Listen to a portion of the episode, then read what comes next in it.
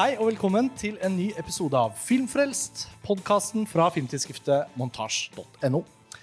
Vi er inne live på Vega Scene i Oslo for årets tradisjonsrike Oscar-podkast. Eh, Oscar-spådomspodkast har vi også omtalt den som tidligere. Mitt navn er Karsten Meinick, og jeg sitter her på scenen på Vega sammen med Mats Halvorsen. Hei, Mats. Hallo. Og Lars Ole Kristiansen. Hei sann. Hei, Lars Ole. Kanskje er på Vega er det noen som ikke har hørt så mye på podkasten vår før allerede. Men akkurat denne episoden, hvor vi går gjennom alle nominasjonskategoriene til Oscar like før utdelingen, den er en ganske godt bevart tradisjon. Lars Ole. Den er svært eh, tradisjonsrik, ja. Og den er alltid veldig, veldig lang. Så dere som er her nå, er advart. Dette kan ta tid. Vi pleier å bruke i hvert fall tre timer på å pløye oss gjennom alle kategoriene og alle de nominerte filmene, og da dele våre spådommer, altså hvilke filmer og skuespillere osv. som vi tror at uh, vinner de forskjellige prisene, og samtidig også da dele våre egne oppfatninger om hvem som bør vinne i Ja. de forskjellige kategoriene. Og bare så det er sagt, det er slett ikke to sider av samme sak. Det er svært ofte sånn at våre favoritter på ingen måte er eh, blant de som ligger an til å vinne. Nettopp. Så, så vi kan ha et scenario her hvor alle dere som er her nå, er byttet ut med et helt nytt publikum innen vi er ferdig. Eh, Så jeg håper dere som har med soveposer og ligger i kø der ute, kommer etter. Men ok, det vi ofte pleier å starte med, er jo også at vi skal disiplinere oss selv til ikke å ta en altfor lang sånn intro med kontekst rundt Oscar og årets Oscar og hva er kontroversene og sånn. For det kommer litt naturlig underveis, som regel. Og de fleste er jo orientert eh, om at eh, årets Oscarsesong har vært helt spesiell i norsk eh, sammenheng.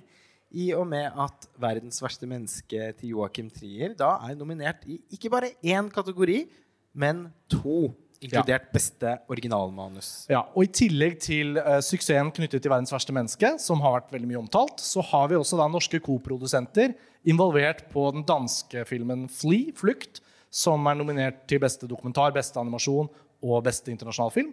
Og i dokumentarkategorien for lange dokumentarer så er 'Writing with Fire' også nominert med norske koprodusenter. Så det er liksom en hel liten bukett av norske involverte i år. Og i anledning at dette da er et så spesielt Oscar-år for Norge, så skal Montage eh, for første gang være til stede i Los Angeles i forbindelse med Oscar-utdelingen søndag. Ja. Så Hvis Det blir gudene, spennende. hvis gudene står oss bi, osv. Ok, men dere, vi, vi ble jo da enige om å klare det der med å komme i gang med en kategori med en gang. Og um, vi har med oss et lite sånt Oscar ballot-skjema. For de av dere som sitter her på Vega, så er det jo mulig å hente opp noe lignende, fordi vi fant det ved å google det. Og um, for de som hører på hjemme, enten dere hører nå i dagene i forkant av Oscar-utdelingen, eller kanskje dere har spart denne episoden til søndag kveld, like før utdelingen, så følger vi en litt sånn ja, litt sånn selvvalgt rekkefølge akkurat i år. Så vi begynner med noen litt store kategorier, og så beveger vi oss opp og ned i de forskjellige kategoriene som er mer eller mindre ny- nysgjerrighetsskapende for ulike typer lyttere. Så um, Mats, nå har Lars Ole og jeg varmet opp ordentlig. ja. Nå tenker jeg det er din tur. Kan ikke du fortelle oss hvilken kategori vi skal starte med, og kanskje lese opp de nominerte? Det kan jeg. Vi skal begynne med kategorien for beste animerte langfilm.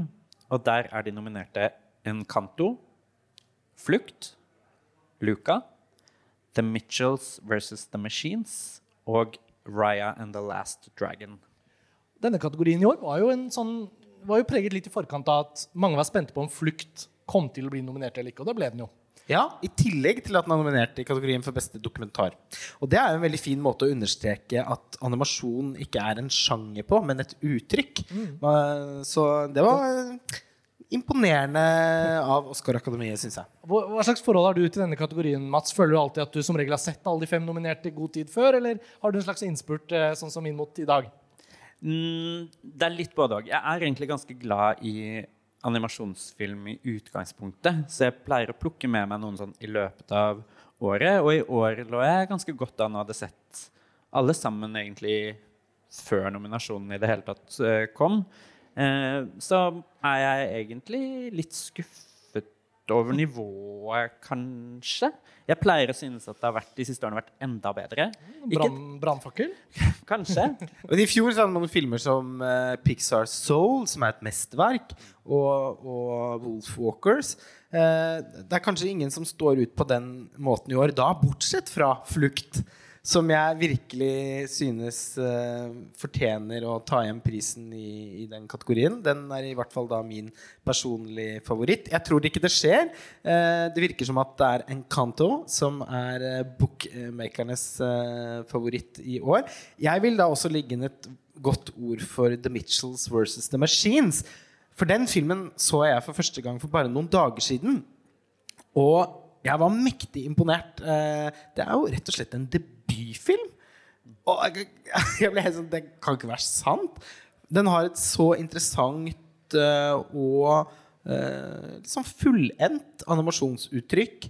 Uh, Den er postmoderne på en inspirert måte.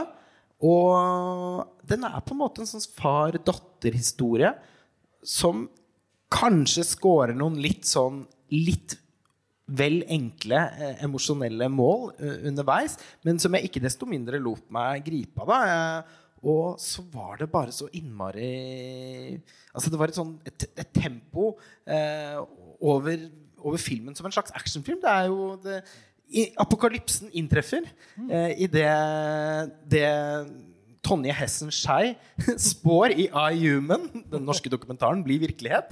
Nemlig at maskinene eh, tar over eh, og får kontroll over menneskene. Alt dette her skjer på litt sånn altså i lys av de siste hendelsene i verden fra både pandemien og nå den forferdelige krigen i Ukraina. Bare sånn helt plutselig. Altså Som en sånn umiddelbar invasjon. Eh, og det gjør at filmen får en sånn det er, en, det er en nerve der og en spenning som mm, var eh, som, som holdt veldig godt fast i meg under eh, hele den visningen. Ja, nå slang jeg liksom litt dritt da, men, eh, om den kategorien, men jeg er også enig i at det er de tre eh, som, som skilte seg ut eh, for meg. Og det er jo et litt sånn spennende kategori i Oscarsammenheng i den forstand at Fly er da den første filmen som er nominert både til animasjonsfilm, dokumentar og internasjonale film.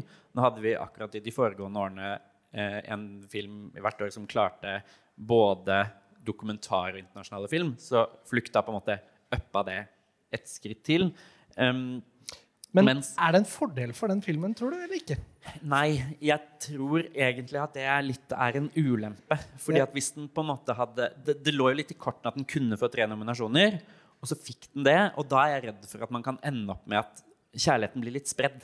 Mm. Noen stemmer på den i animasjon, noen i internasjonal og noen i dokumentar. Og så drukner den litt. Ja. Mens hvis den hadde vært i én kategori, og man virkelig likte den, så hadde man slengt alle stemmene dit. Ja, ja.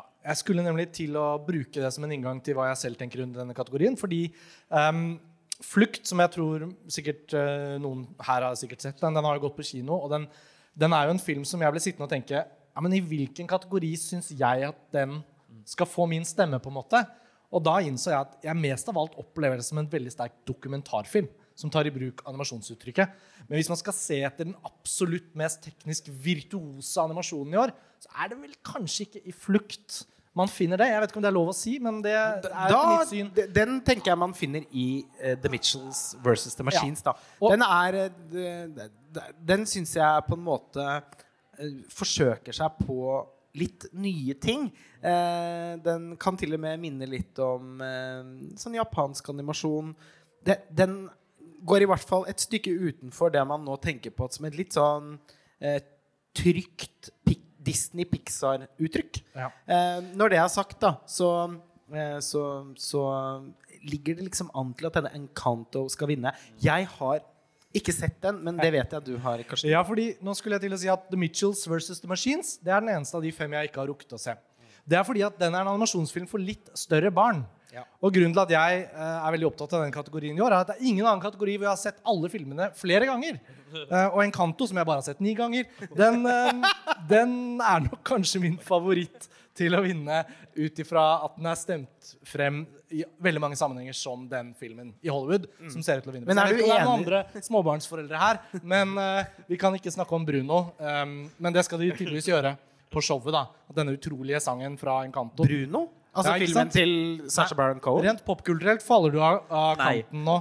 Mens den sangen fra Encanto som heter 'Vi kan ikke snakke om Bruno', den er nå på Billboard-listene og den har vært det i månedsvis. Um, Altså, og det er det. ikke den sangen som er nominert fra Encanto, faktisk. Nei, fordi Disney meldte den ikke inn. Nei, nettopp. Men den er altså den første Disney-sangen fra en animasjonsfilm som har toppet Billboard Hot 100 siden A Whole New World fra Aladdin. Oi. Og den har over Ja. 220 millioner avspillinger på Ja, Spotify. og mitt Det er en ekte hit, Liksom. Og mitt hushold har stått for 1,4 millioner av de avspillingene. faktisk så.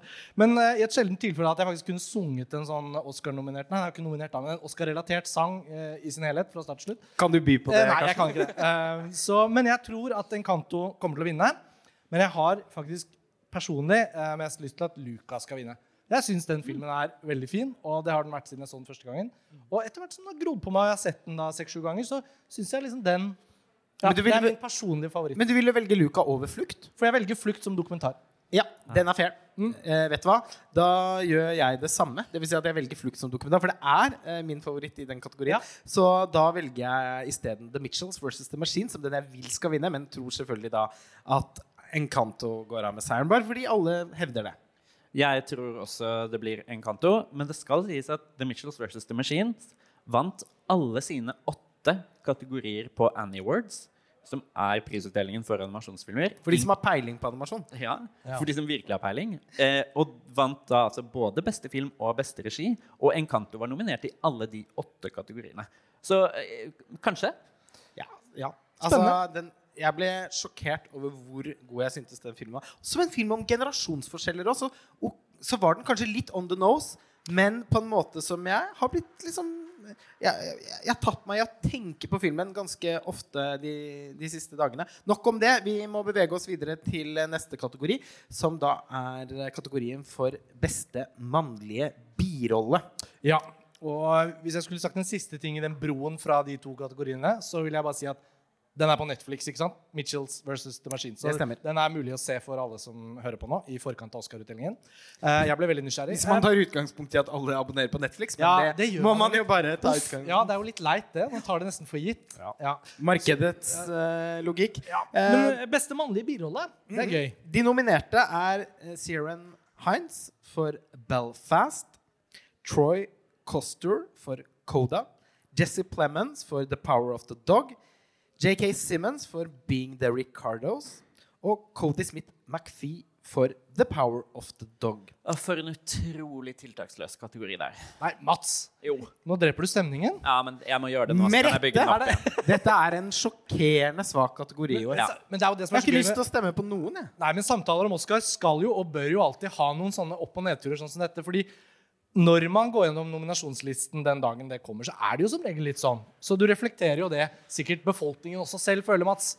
At her, meste mannlige birolle i år, der er det også mange kategorier, altså mange skuespillere vi burde hatt i den kategorien. Dette var jo stedet hvor Anders Danielsen Lie antageligvis ville gjort det skarpt. Hvis Ja. 'Verdens verste menneske' rakk å bli enda mer av en sånn skikkelig Oscar-film. Det Definitivt. rakk den jo ikke, da. Altså Det eneste egentlig positive jeg har å si om den kategorien i år, det er at det faktisk er fem biroller som er nominert. De har ikke hatt en sånn juksegreie hvor de later som at en mann som spiller en film med en annen mann, er birolle fordi man kan ikke ha to mannlige hovedroller.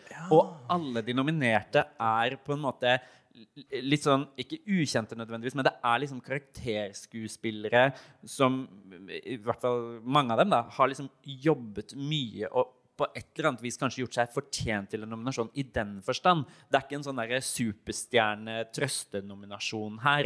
Så det er jeg for, Det er et veldig bra poeng. Ja. Fordi det har jo vært en tendens eh, de siste årene at, at filmer rett og slett velger å nominere hovedroller i denne kategorien Mm. for at de på en enklere måte skal ha vinnersjanser. Da. Ja. Og sånn kategorisvindel, som du blir omtalt som, det er da det du refererer til her, Mats, for de av lytterne som ikke helt vet hvilken type kontrovers du snakker om. Det er Ja. alltid så mange forskjellige typer kontroverser Ja. knyttet til Oscar. Noen bryr seg veldig mye om å kjempe den politiske saken for å kjempe mot kategorisvindel. Og det høres ut som du er en forkjemper for. Ja, det er jo litt sånn eksempel sånn Brokeback Mountain. Er ikke Jake Gyllenhaal en hovedrolle på lik linje med Heath Ledger? Jo. I Carol er ikke Rooney. Rooney Mara eh, en hovedrolle på lik linje med Kate Blanchett. Altså, hun er jo hovedrollen. Kate Ja. Blanchett er birollen. Ja. Så det er jo helt utrolig at eh, Rooney Mara ble birollenominert for den. Men det var jo da fordi at man antok at eh, det ville være enklere for henne å vinne i den kategori Og- kategorien. også- Men det skjedde jo ikke det Og som et akademimedlem da i Hollywood som blir intervjuet rett før utdelingen som anonymous voter ville sagt But the film is called Carol. Of course she's the main character. ok, men Nok mobbing av amerikanske medlemmer av Oscar-akademiet. Eh, la oss ta runden da, med spådommer. Eh, det er jo trist å, å bruke for mye tid på at vi syns det er en sur kategori i år. Da kan vi heller gå videre. Jeg kan starte. Jeg syns, med utgangspunkt i disse fem nominerte, og jeg har ikke sett alle, så syns jeg vel kanskje at det hadde vært hyggeligst om han Cody McPhee vant. Det ville da være min favoritt eh, i en kategori hvor ingen av mine favoritter er representert.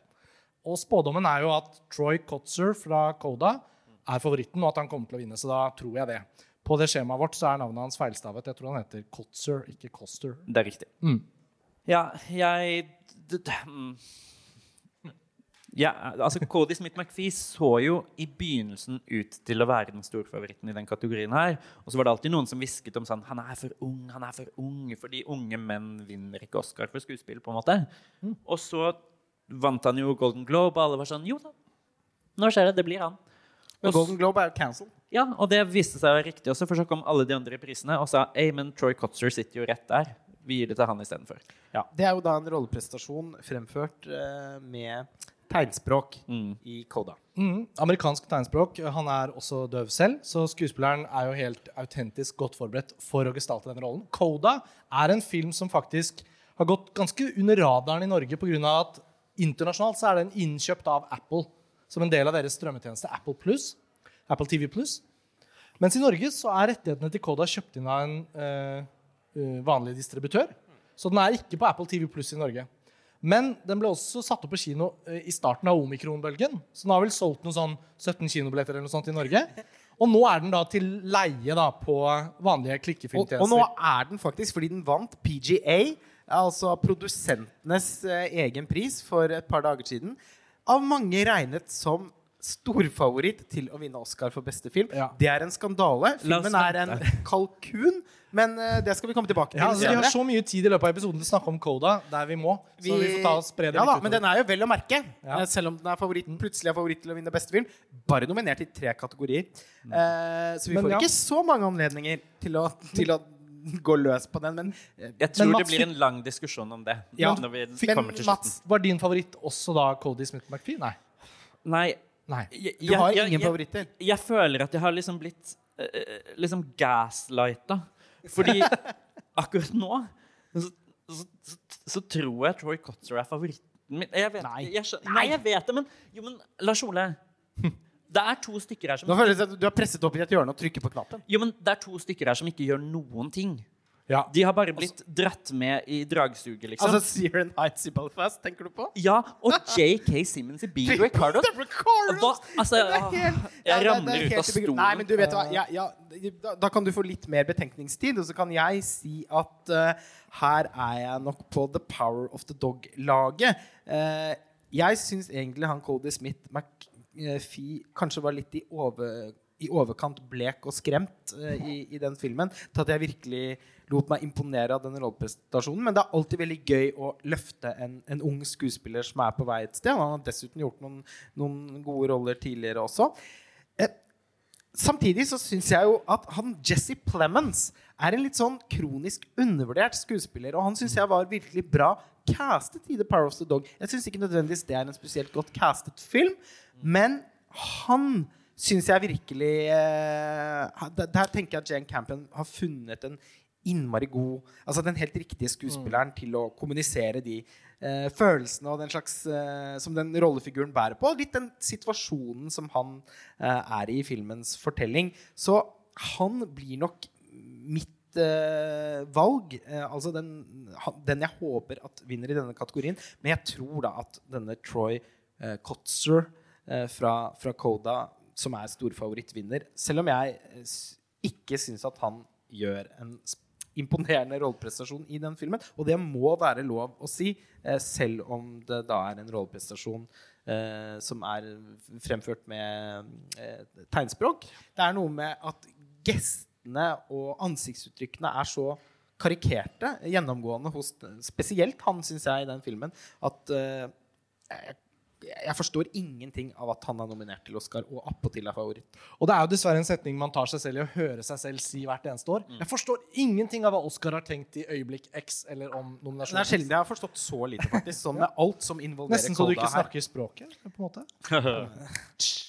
Ok, men La oss hoppe videre til neste kategori. da. Det er jo kjedelig å høre oss være misfornøyde altfor mye. Jeg tenker at Vi skal bevege oss over til beste kvinnelige birolle. Og da skinner jo lyset ganske mye kraftigere fra den gule kjolen i West Side Story. Det gjør det. Når vi snakker om den første nominerte på listen, Ariana DeBose fra West Side Story. da. Og Jesse Buckley er også nominert for The Lost Daughter. Judy Dench er nominert for Belfast for 118. gang i en liten rolle. Kirsten Dunst er nominert for The Power of the Dog. Og Aunjanua Ellis fra King Richard er den femte nominerte. Jeg visste jeg ikke kom til å uttale den navnet riktig, men jeg gjorde det beste jeg kunne. King Richard er en film jeg ble veldig positivt overrasket over. Altså, den var bra. Og hun spiller her moren til Serena Venus Williams. En veldig bra rolle. Jeg bare starter med en gang. Om hun skulle kommet som en sånn dark horse og vunnet Ja. denne, vær så god. Vet Gi meg den også. Det, det hadde vært hyggelig. Eh, Jeg må bare si at jeg er sjokkert over at det er King Richard som har liksom fått den offisielle terningkast fire-statusen i årets Oscar-race. For vel å merke er det en supertradisjonell sportsbiopic. Men den er virkelig, virkelig bra. Den er som å se en Clint Eastwood-film. En sånn superklassisk amerikansk filmskaping. Jævlig sharp. Ordentlig liksom bra klippet. Veldig bra. Om enn liksom uspektakulært, men bare sånn bunnsolid. Fotografert av Robert Elswit, altså til vanlig Paul Thomas Andersens faste fotograf. Nydelig castet. Eh, gjennomgående så bra spill. Fint skrevet. Ikke over, overdrevet sentimental. Eh, men, og nettopp derfor også en film som eh, rørte meg mer enn jeg var forberedt på. Ja. Jeg tok de tårene mange ganger under King Richard av sånne små ting. Altså, og det er jo det som Det, det er jo forskjellen på et sånn påståelig sentimentalt øyeblikk i en film og noen observerte eh, nyanser, detaljer, som bare plutselig smeller, da. Og Nei, fy faen, bra film. Ja, Vi hadde veldig overlappende opplevelse av den, og det var veldig gøy å kunne si, fordi man tenker jo på papiret at da en sånn eh, litt sentimental sportsfilm som er nominert i mange Oscars, kanskje ikke skal levere. Morsomme når man ser den, er at man innser at oh, sånn inspirerende sportsfortellinger de liker man jo. Ja, det, man liker jo de kjempegodt! Det tok jeg meg selv i at jeg altså, altså, hadde jeg, Hvorfor har jeg om det glemt jamaicanske bobsleigh-laget fra 90-tallet er jo Og cool ikke minst, runnings. apropos liksom broen jeg bygde over til Clint Eastwood. da De fleste av hans beste filmer handler jo om sånn sanne for, for, fortellinger fra mm, Amerika. Ikke alle gjør det. Han har jo da også laget en helt fremragende sportsfilm som han vant uh, Oscar for uh, for en del år siden, nemlig 'Million Dollar Baby'. Og hvis man eh, skjærer vekk den siste forferdelig, bedrøvelig triste delen av den fortellingen, så har egentlig de, de to filmene ganske mye til felles. Altså, mm. Clint Eastwood sin trener I don't train girls. eh, og Hilary Swank sin altså, Kjønnsperspektivet i idretten, Ja, ja, altså- samme med Serena og Venus Williams. Og dere som De som fargede, som skal på en måte da entre scenen inn i en idrett som regnes for å være hvit, og hvor de liksom er nødt til å eh, overkomme ganske mange strukturelle hindringer før de i det hele tatt eh, kan få vist fram det talentet de har. Ja, vi måtte bare tømme oss litt for ja, King Richard. ikke sant? Fordi vi, vi har ikke snakket om den på podkasten før. Mats, Veldig fint. ta Altså, en runde med kategorien nå for oss. dette er nesten litt sånn motsatt enn den forrige, som jeg syns er sånn dørgende kjedelig. Så syns jeg denne er veldig fin. Her er det, I den forrige klaget jeg over at det er to stykker som ikke gjør noen ting. Og her er det i hvert fall fire stykker som gjør veldig mye på en god måte. Men ikke Judy Dench. Ikke Judy Dench. Hun er bare Og- Judy Dench i ca. fem minutter. Ja, og jeg, jeg liker Judy Dench veldig, Alle veldig godt. liker Judy Dench, men det bare begynner Og- å bli en, så parodisk at hun blir nominert for å drikke en kopp kaffe. Det er faktisk noe du kan bli cancelled for, å si at du ikke liker Judy Dench. Ja. Da, da er det ferdig. Og i hvert fall i en film som gjør det såpass bra i nominasjoner generelt, og har en annen kvinnelig birolle som er mye bedre, og som har vært nominert og vunnet priser tidligere i sesongen. Og så plutselig sånn på tampen så var de sånn Å nei, hun Kaitri... Jeg ser så for meg de sitte og tenke sånn Jeg vet ikke hvordan jeg staver Kaitriona Nei, det blir hun Judy en gang til. Og det er så Jeg må innrømme at jeg synes begredelig. det er litt der sånn Oscar på sitt morsomste. eh, Det med, altså At Judy Dench alltid må bli nominert eh, hvis hun er involvert i, i noe. Hun vant jo da også for Hva er det? Er det tre minutter i Shakespeare in Love? For øvrig også en av mer, Og i da. 2007 en av de svakeste filmene som noensinne har vunnet Oscar for beste film. og i 2007 ble hun jo nominert uten å spille i en film. De bare nominerte henne. Altså Det hun skulle faktisk ha vunnet for, som, som på en måte Holdt på å si 'nailed in the coffin'. Det var stygt å si med tanke på at hun er så gammel. Men altså 'Notes on a Scandal' Ja. Det er jo en helt forrykende Kanskje hennes aller beste rolleprestasjon. Hun skulle vunnet for den, hovedrolle-Oscar. ja. Og så var vi ferdige med Judy Dench. Det er jo på et eller annet vis imponerende, Det er ikke lov å si at du er ferdig med Nei, Judy nei, men altså Nei, pass deg nå. ja. Men hun, Dere skjønner hva jeg mener. hun har altså åtte nominasjoner, og alle kom etter fylte 60 år. Ja, det er- På et eller annet vis er det jo imponerende. Men jeg skulle jo ønske at det var Men det, Men faen, det var ikke fall- bli for mange etter Nei, fylte vi må passe oss litt. Spørsmålet er om Judy Dench fantes før hun var 60. Litt sånn som med Jesse ikke. Plemons. Eksisterte han før Philip Seymour Hoffman døde? Altså Det er jo et spørsmål der om det er et spøkelse som bare har tatt over en kropp. Ja. Men vi tar- tenker å ta den diskusjonen Nei, nå. oss Um, det er en veldig bra kategori. Det er det virkelig. eh, Og til jeg Er det? tror at vinneren her er Ariana DeBose for Steven Spielbergs magiske West Side Story. Og hun er også storfavoritt, heldigvis. Her tror jeg ikke det kan skje noe fuckups. Hun, eh, det er meningen at hun skal vinne den prisen, og det er spesielt fortjent. Det er veldig fortjent, det syns jeg også. Og det kjennes litt sånn på sin plass og litt sånn magisk, fordi den filmen, originalfilmen, vant jo også eh, Oscar i samme kategori. Rita Rita Moreno vant uh, for eh, altså- Anita. Dukker opp i Spielbergs uh, Som nyinnspilling. er nydelig igjen, altså. Selv om hun er gammel. sånn- gammel. Men hvor mye sånn Oscar-statistikk har du for hånden i hukommelsen din, Mats? Fordi i hvor mange tilfeller kan man snakke om en rollefigur som har vunnet en Oscar-pris, og så blitt gjort en remake av, og så har den også vunnet en Oscar-pris når den ble gjort en remake av? Fins det mange eksempler på det? Nei. Det det fins noen av, er at samme karakter har vunnet, men ikke nødvendigvis i en remake. Det fins jo to eh, Gudfaren-priser, for eksempel. Nettopp, ja, Michael Eh, Corleone. Ja. Og det fins Nei, noen altså han Vito. Vito, Vito Corleone, ja. sorry. Ja. Eh, og det fins noen, noen dronninger, kanskje. Ja. Eh, så det fins noen eksempler. Ja. Men av, av denne typen, hvor en ren eh, Kanskje ikke remake, men en remake eh, vinner for den samme fiktive karakteren, det er sjelden. Husker Men fortjent nå. Jeg husker et annet uh, uh, Judy Dench-år. Den Iris. Der var Judy Dench og Kate Winslet begge nominert for den samme rollefiguren, men i ulike aldre. ikke sant? Det er også sånn litt gøy og veldig nerdete Oscar. Og helt... Det er jo også tilfellet i år, da, Ja. med Jesse Buckley og Olivia Colman eh, for eh, The Lost eh, Daughter. Kate Winslet bar jo en veldig spesiell eh, Oscar-krone. For det har bare skjedd to ganger at to skuespillere er nominert for å spille den samme rollefiguren i den samme filmen. Og den andre er jo Kate Winslet I Titanic. Ja. Med Gloria Stewart. Ja. eh, Ja. Ok, kult. Men vet dere hva? det er jo en veldig kjedelig spådomskategori, fordi vi alle har jo eh, samme eh, fil... Eh, altså Ariana DeBose. Vi tror alle at hun vinner. Ja. Jeg håper også at hun vinner. Jeg håper at hun vinner, med mindre de gjør en sånn write-in-kampanje, og Ruth Negga får prisen for passing. Ja, At hun vinner uten å være nominert. Ja. Ja, det er alltid veldig kult når det skjer. Um, skal vi bevege oss videre til neste kategori?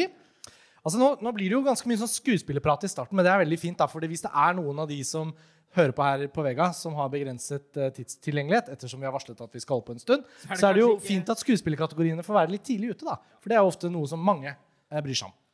Vi skal videre til beste mannlige hovedrolle. Og de nominerte er Javier Bardem for Being the Ricardos. Benedict Cumberbatch for The Power of the Dog. Andrew Garfield for Tick Tick Boom. Eh, Will Smith for King Richard.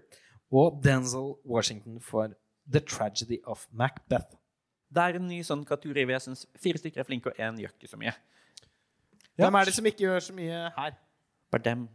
Det er jeg skjøn- helt enig med deg i. Jeg ble innmari forbauset da han, ble, da, da han dukket opp på nominasjonslisten for Bring the Ricardos, som, som er en slags TV-film. eh. Mats, jeg er en del av befolkningen i Norge som aldri har brydd meg med Being the Ricardos siden den ble sluppet på Amazon Prime for seks til syv uker siden. Kan ikke du kort ta oss gjennom hva slags film det eventuelt er, og om det er noe vits å se den? Jo. Altså, Being the Ricardos handler om Lucille Ball og hennes mann Desi Arnaz, som da er Javier Bardem, og tar for seg egentlig bare én veldig intens uke i produksjonen av deres veldig berømte og veldig kjente TV-serie I Love Lucy. Og det er David Sorkin-manus, og han har regi. Det er veldig mye sånn faktete skuespill. Veldig sånn Sorkin-replikker. Den er veldig sånn kjapp i vendingene. Er egentlig ikke sånn så verst film, syns jeg. Som en sånn som underholdning. Men Aaron Sorkin burde jo ikke regissere sine egne manus. Nei. Kalte han David Sorkin? Det er Aaron Sorkin, så klart. Det er Aaron Sorkin. Eh, altså, det fikk vi også se et eksempel på eh, i fjor, med denne Trial of the Chicago Seven, som hadde vært en mye bedre film hvis han hadde gitt den så hvis, en, hvis, en annen, hvis en faktisk filmkunstner hadde regissert den. Eh, det er veldig trist at eh, Aaron Sorkin nå har blitt lullet inn eh, i en slags oppfatning om at han er en ja, et multi, en multikunstner. For Ja. det er han ikke. Han er en manusforfatter. Ganske Og- bra ennå, da. Hæ? Han er ganske bra ennå, da. I aller høyeste grad. Når det er sagt, så syns jeg ikke Bing Ricardos er, det mest, er hans mest potente arbeid på noen som helst måte. Nei. Jeg har da Altså Det Du er ikke sånn at Lucy Ball er helt ukjent for meg. Altså, jeg har vært på Paramount eh, Studio i, i Los Angeles. Der har hun en uh, en egen hage med et eget tre som ble plantet til ære for henne. En egen krakk. Altså, jeg ble satt nokså greit inn i hvor betydningsfull hun var som popkulturelt ikon i Ja. sin samtid.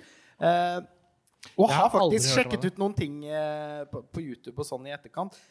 Men eh, det var likevel ikke nok til at jeg lot meg engasjere. Nei, men jeg tror også at vi Jeg tror ikke vi helt kan forstå hvor stor Lucille Ball og I Love Lucy faktisk var da det skjedde. For det var den typen lineær-TV som hvor eh, det amerikanske folk bokstavelig talt satt klistra til TV-skjermen og fulgte med. Og jeg tror nok at det har hatt litt å si for denne merkelige kun tre skuespillere nominerte, og ikke noe annet eh, effekten som den filmen fikk. For det var jo snakk om at den kunne dukke opp i både eh, manus og regi i forkant. Regi? Ja, Ja, nei, men eh, alt kan kanskje jo skje, Oi, å, altså, herregud. absolutt. Eh, I hvert fall i beste film. Belfast er nominert for beste regi. Ikke sant? Alt, Alt er mulig. Eh, og så ender den da opp med tre nominasjoner hvor i hvert fall to av de syns jeg er helt sånn dørgende kjedelige nominasjoner. Hvor de kunne gjort så mye mer spennende enn å bare slenge med to sånne middelaldrende menn som ikke kommer til å vinne uansett. Men Min men, oppsummering av deres Ja. boss er at jeg ikke skal se den filmen. Mm. Du kan skippe den. Men, men hva Altså, skal jeg altså, Storefavoritten her er Will Smith. Det er på en måte avklart for lenge siden. Og det er da for den aldeles utmerkede klassiske Hollywood-sportsbiopicen King Richard. Og det blir da også han jeg heier på. Eh, Jeg kunne ikke utstå Tick Tick Boom. Jeg syns at den var et slags sånn Bordar-akademie-mareritt. eh, Med en usannsynlig, ufordragelig hovedperson som skal realisere seg selv mens kjæresten hans og den såkalte bestevennen liksom står på gangen og venter. Og så rører de inn noe, noe aids-tematikk eh, fra, fra 90-tallet inn i den sausen for at, eh, for at følelsene skal vokse seg større. Det gjorde de ikke hos meg. Jeg syns det var en skikkelig irriterende og påståelig og, eh, og, og teit eh, film. Ikke helt eh, uten noen talentfulle elementer. Eh, og Andrew Garfield er da i og for seg blant dem, selv om jeg også begynner å bli lei av den litt sånn så, Det er noe litt sånn, sånn pusete eh, i, over han som jeg også på en måte ikke Nei, jeg vet ikke. jeg hadde ikke forberedt meg på å forsvare Tikk Tikk Boom, men nå syns jeg du var kanskje akkurat et knepp for streng. Etter kan- syn. det kan hende at jeg også overdriver bitte litt nå, men eh, det var bare for Altså, jeg, jeg er ikke spesielt begeistret for verken filmen eller Andrew Garfield i den. Uh, Bendik Cumberbatch syns jeg gjør en god rolleprestasjon i The Power of the Dog.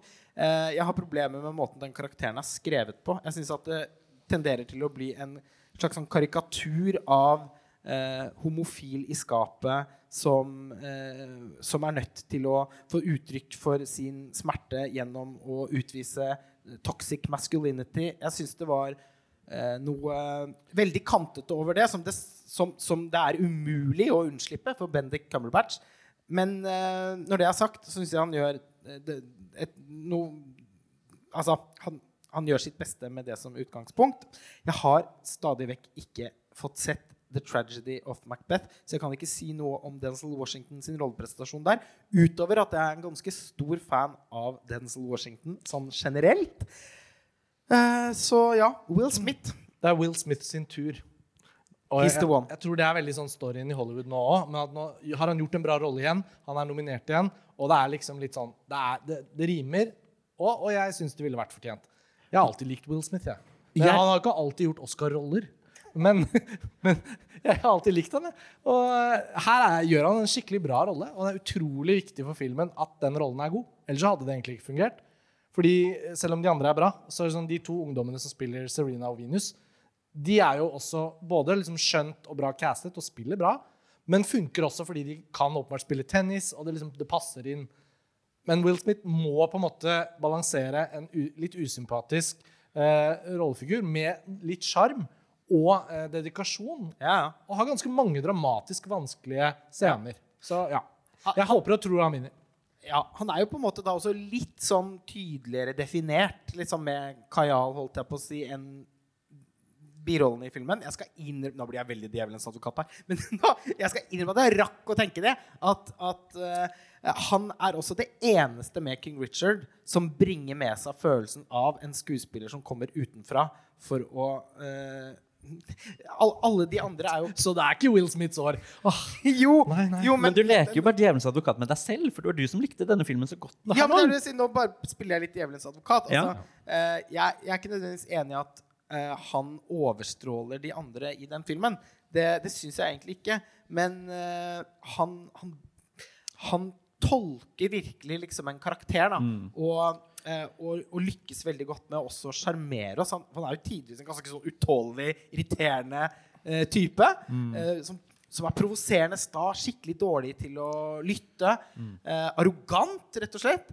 Men eh, likevel så får han jo folk med på sitt lag, og det klarer også Will Smith. da. Ja, for jeg er veldig enig i det du sa, eh, Karsten, at det kjennes litt som at Hollywood på en måte har bestemt seg for at nå er det hans tur.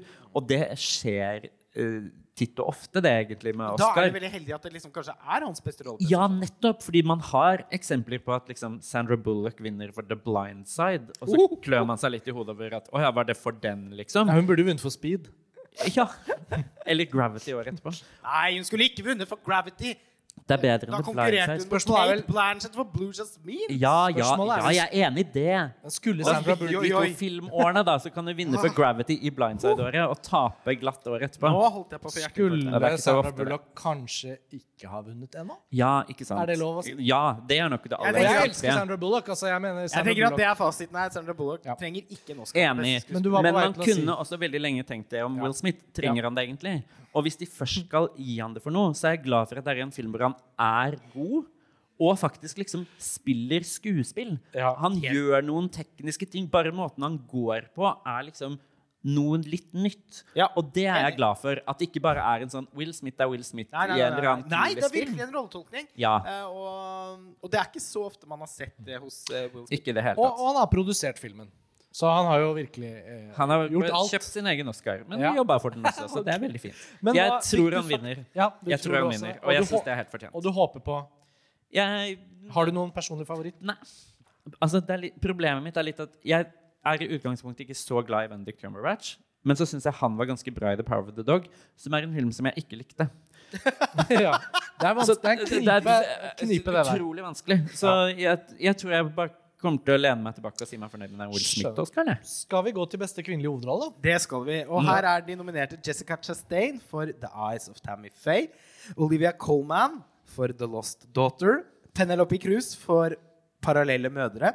Nicole Kidman for Being the Ricardos. Og, og Kristen Stewart for Spencer. Og, og, og, og, Oscarsesongen startet med at eh, Spencer gikk av som en bombe i Venezia. Vi var til stede.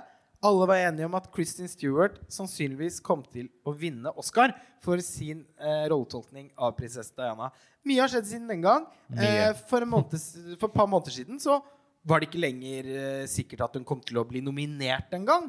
Eh, og nå er hun på en måte en dark horse i denne kategorien. Stadig vekk eh, min favoritt. Altså, må jeg. Og tre av de nominerte var jo da hver sin type håndgranat i Venezia. Faktisk. Ja da, For- Penelope Cruz for parallelle mødre også, som jeg har heiet på Ja. i løpet, gjennom Og- hele og de som sesongen. så det jeg blir akkurat like lykkelig hvis hun uh, tar igjen prisen, men det, alt peker mot at det er Jessica Chastain som skal ha Oscar i år. For en av de ytterst få filmene som jeg da ikke har rukket å se. Ja, og Mats, jeg tenker du skal få ordet litt her, da, fordi dette er jo også en av de kategoriene i år som det har knyttet seg absolutt mest spenning til. Ja. Fordi alle disse forstå-seg-på-erne, og vi tre føyer oss jo da litt ærbødigst inn i den rekken av forstå-seg-på-ere nå som vi gjør dette opptaket. Men det fins jo veldig mange prominente forstå-seg-på-ere i Hollywood som knar hjernen for å være eh, i stand til å spå alle vinnerne. Og denne kategorien er da historisk vanskelig å spå. Kan du forklare litt? Rett og slett. Nei, det er jo en kategori hvor alle de andre eh, prisutdelerne, altså SAG, Critics Choice, BAFTA, Golden Globe, har vært litt sånn uenige. I fjor var jo også kvinnelig hovedrolle den vanskelige kategorien blant skuespillerkategoriene. Den hvor man virkelig satt der og lurte på hvem skulle vinne. Og så viste det seg at ja, det var BAFTA som hadde fasit, fordi det var Frances McDormand som skulle ha den Oscaren. I år så har vi den situasjonen at ingen av disse fem var nominert til BAFTA i det hele tatt. Så BAFTA er ikke en fasit på noen som helst måte. Renate Reinsve var jo nominert til BAFTA, Ja, eh, og vant jo i Cannes. Så hun Og var burde jo, jo vært nominert her. ikke sant? Hun var jo en skikkelig sånn dark horse til å bli nominert, og så skjedde ikke det. Men Kristen Stewart ble nominert, men uh, har da ikke fått andre ting på veien. Nei, hun snubla seg jo vekk fra en SAG-nominasjon og en BAFTA-nominasjon. og man, det, altså, Nå har vi brukt ordet dark horse to ganger, og det kjentes som at alle var dark horses til en nominasjon. Så satt man da liksom igjen med at det ble ikke Renate Reinsve, det ble ikke Alana Haim, det ble ikke Jennifer Hudson. Tenk at det ikke ble Alana Haim. For eksempel. Det ble Åh, ikke Rachel Segler fra West Side Story. Det var så, Tenk at det ikke ble det! Altså, alle mine favoritter egentlig er jo bare Ja, ikke så- nominert. så da. det var Bortsett som- fra Chrissy Stewart og uh, Penelope Cruz. Ja. Og tross alt uh, Olivia Colman for Lost Daughter. strålende. Men Kan vi ende opp med en situasjon hvor Jessica Chastain nå har seilt opp til å bli favoritt, men så likevel ikke? Ja. Og jeg tenker at Jessica Chastain ikke helt er Hun er ikke helt sånn overdue for meg. For jeg syns hun er en Jeg syns at hun har et begrenset register. Amy Adams er overdue. Hun er overdue! Nei. I, I aldersgruppen til Jessica Chastain. Ja, ja. Definitivt. Spar meg. Oh, okay. so Hun er ikke nominert i år, så vi slipper å ta Saoirse Ronan er overdue. Ja, ikke sant? Det- det- 24-åring, okay. eller hva det men, er. men, men du har tenkt på dette, Mats. Ja. Få høre. Gi publikum og lytterne nå en opplevelse av at du skjærer igjennom kaoset og forteller oss hvordan dette kommer til å gå. For dette er Jeg syns dette er nesten et dark horse race selv nå. Alle de fem er fortsatt dark horses, på en måte. Fordi Nicole Kidman vant eh, Golden Globe for Being the Ricardos. Og så vant Jessica Chastain både SAG Award og Critics' Choice. Så sånn rent på papiret, hvis man bare skal se på statistikk, Jessica Chastain er favoritten. Men hun har jo ikke engang en BAFTA-nominasjon. Og når var sist en vinner av Oscar ikke hadde BAFTA-nominasjon? Så det, det kjennes som at det kan liksom ligge noe bak. der Tror du det kan bli liksom Penelope Cruz? Det Kanskje! Ja, jeg skulle Altså, til å hvorfor si det. ikke? Det er jo en helt fantastisk rolleprestasjon i en film alle elsker. Eh, men som Akademiet ikke har gitt så mange nominasjoner Nei. at de uttrykker at de Men- Det jeg er mest redd for der, er at kanskje ikke Men alle, alle har giddet Ja, men altså, kanskje ikke alle har gi- giddet, er kanskje feil ord, men ikke rukket da, å se den filmen. For jeg syns at egentlig at ja, La oss si fire av fem er veldig gode, og så er Nicole Kidman også der. Eh, jeg sto Ja, nemlig det er uh, ja, men det må vi bare tåle. Det er Nå har vi tatt Nicole Being the. Ricardos ja, noen ganger. Hun, det, hun bare er der. Ja. Eh, det er look, I Love Lucy-faktoren litt, tror jeg. Jeg sto opp grytidlig i dag tidlig for å rekke å se The Eyes of Tammy Faye før jobb. Den ble nemlig tilgjengelig i Norge i dag. På Disney Pluss? På Blockbuster.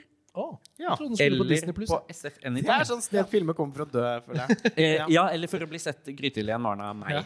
Sånn at jeg kunne se alle langfilmene før denne Men, men, podkasten. men så, ja, hva er dommen, da? Og der er hun egentlig ganske god, altså. Ja. Og det er Mye en sminke og sånn òg, er det ikke det? At hun er sånn ugjenkjennelig. Litt sånn Kjempe- Elephant Man-aktig Ja, nesten. Det er kjempemye sminke, det er kjempemye spill, det er kjempemye fakter. Det er kjempemye Altså, det er, det er jo en, en biopic. som spenner langt tidsrom. Så hun får spille denne Tammy Faye fra veldig ung alder til en godt voksen dame. Det er veldig transformert. Hun blir bare mer og mer sminket. Eh, både med proteser og med bare kosmetikk. Eh, gjennom hele filmen. Hun får lov å grine, hun får lov å synge, hun får lov å være glad. Hun, hun spiller både som Jessica Chastain, men også som Tammy Faye. Så det er en sånn rolletolkning som jeg tror det er veldig lett å se på og på en måte bli imponert over det tekniske hun gjør, hvis man er skuespiller selv. For det er så sinnssykt mye som skjer på en helt annen måte enn det Penelope Cruz gjør i 'Parallelle mødre', som også er kjempebra, men som er mye mer Altså, subtilt. Hun, ja, ja. Og at hun på en måte også gjør sin greie. Ja, det, ja, Og mange det- av de skuespillerne altså Det tar meg ofte i å, å tenke og si at mange av de, både de skuespillerne og de rolleprestasjonene jeg liker best, det er de som der skuespillerne på en måte bare egentlig er litt seg selv. Jeg er ikke egentlig så svak for sånne veldig eh, eksalterte eh, tekniske rolleprestasjoner. Det er sjelden de jeg blir grepet av. Jeg vil ha liksom Diane Keaton som Annie Hall. Ja. Eh, så, egentlig i 9,5 av 10 ganger. Og, men jeg tror også at det ligger egentlig ganske mye av Jessica Chastain i Tammy Faye. På, på, skrudd til maks. Og det syns jeg er det er gøy, fordi det funker. Det er en veldig underholdende film. Men ref det du sa i forrige kategori om at du er lei av Andrew Garfield, litt sånn sutrete greie, Ja. da må du jo aldri finne på å se Eyes of Ja, Tammy han, er han er jo i den nå. er han Er i den nå? Ja. Og jeg Ja. syns at han har et veldig bra år med The Eyes of Tammy Faye, Tick Tick Boom og eh, spoiler alert, Spiderman No Way Home. Så har han en veldig variert eh, filmografi i år, i veldig forskjellige roller. Jeg syns han er ganske god. Eh, Men det, altså, var det sånn at du eh, altså, er, er du svak for Tick Tick Boom? svak for filmen er jeg ikke Det var veldig helt- retorisk Ja, Eh, Beklager. Nei, men altså, det- er, Men er jeg litt alene om å mislike den så sterkt? Eh, Ja, jeg mislikte den ikke.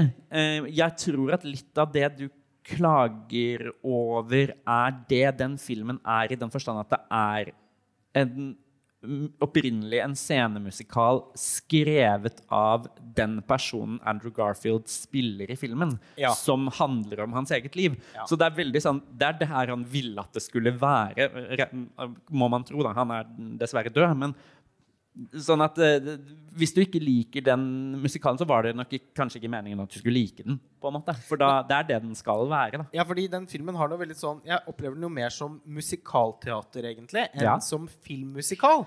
Eh, for jeg har ikke noe problem med mus altså filmmusikaler, bare så det er sagt. West Side Story er en av mine absolutte favoritter i årets Oscarsesong.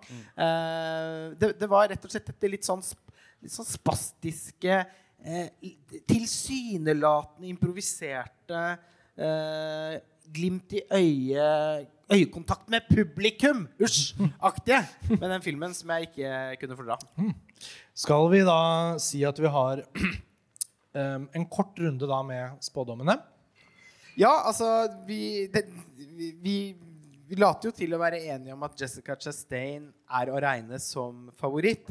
Uh, og jeg opplevde ikke helt, Mats, at du klarte å overbevise meg tilstrekkelig om at noe morsommere enn det kommer til å skje. Jeg kommer til å heie på Kristen Stewart og Penelope Cruz.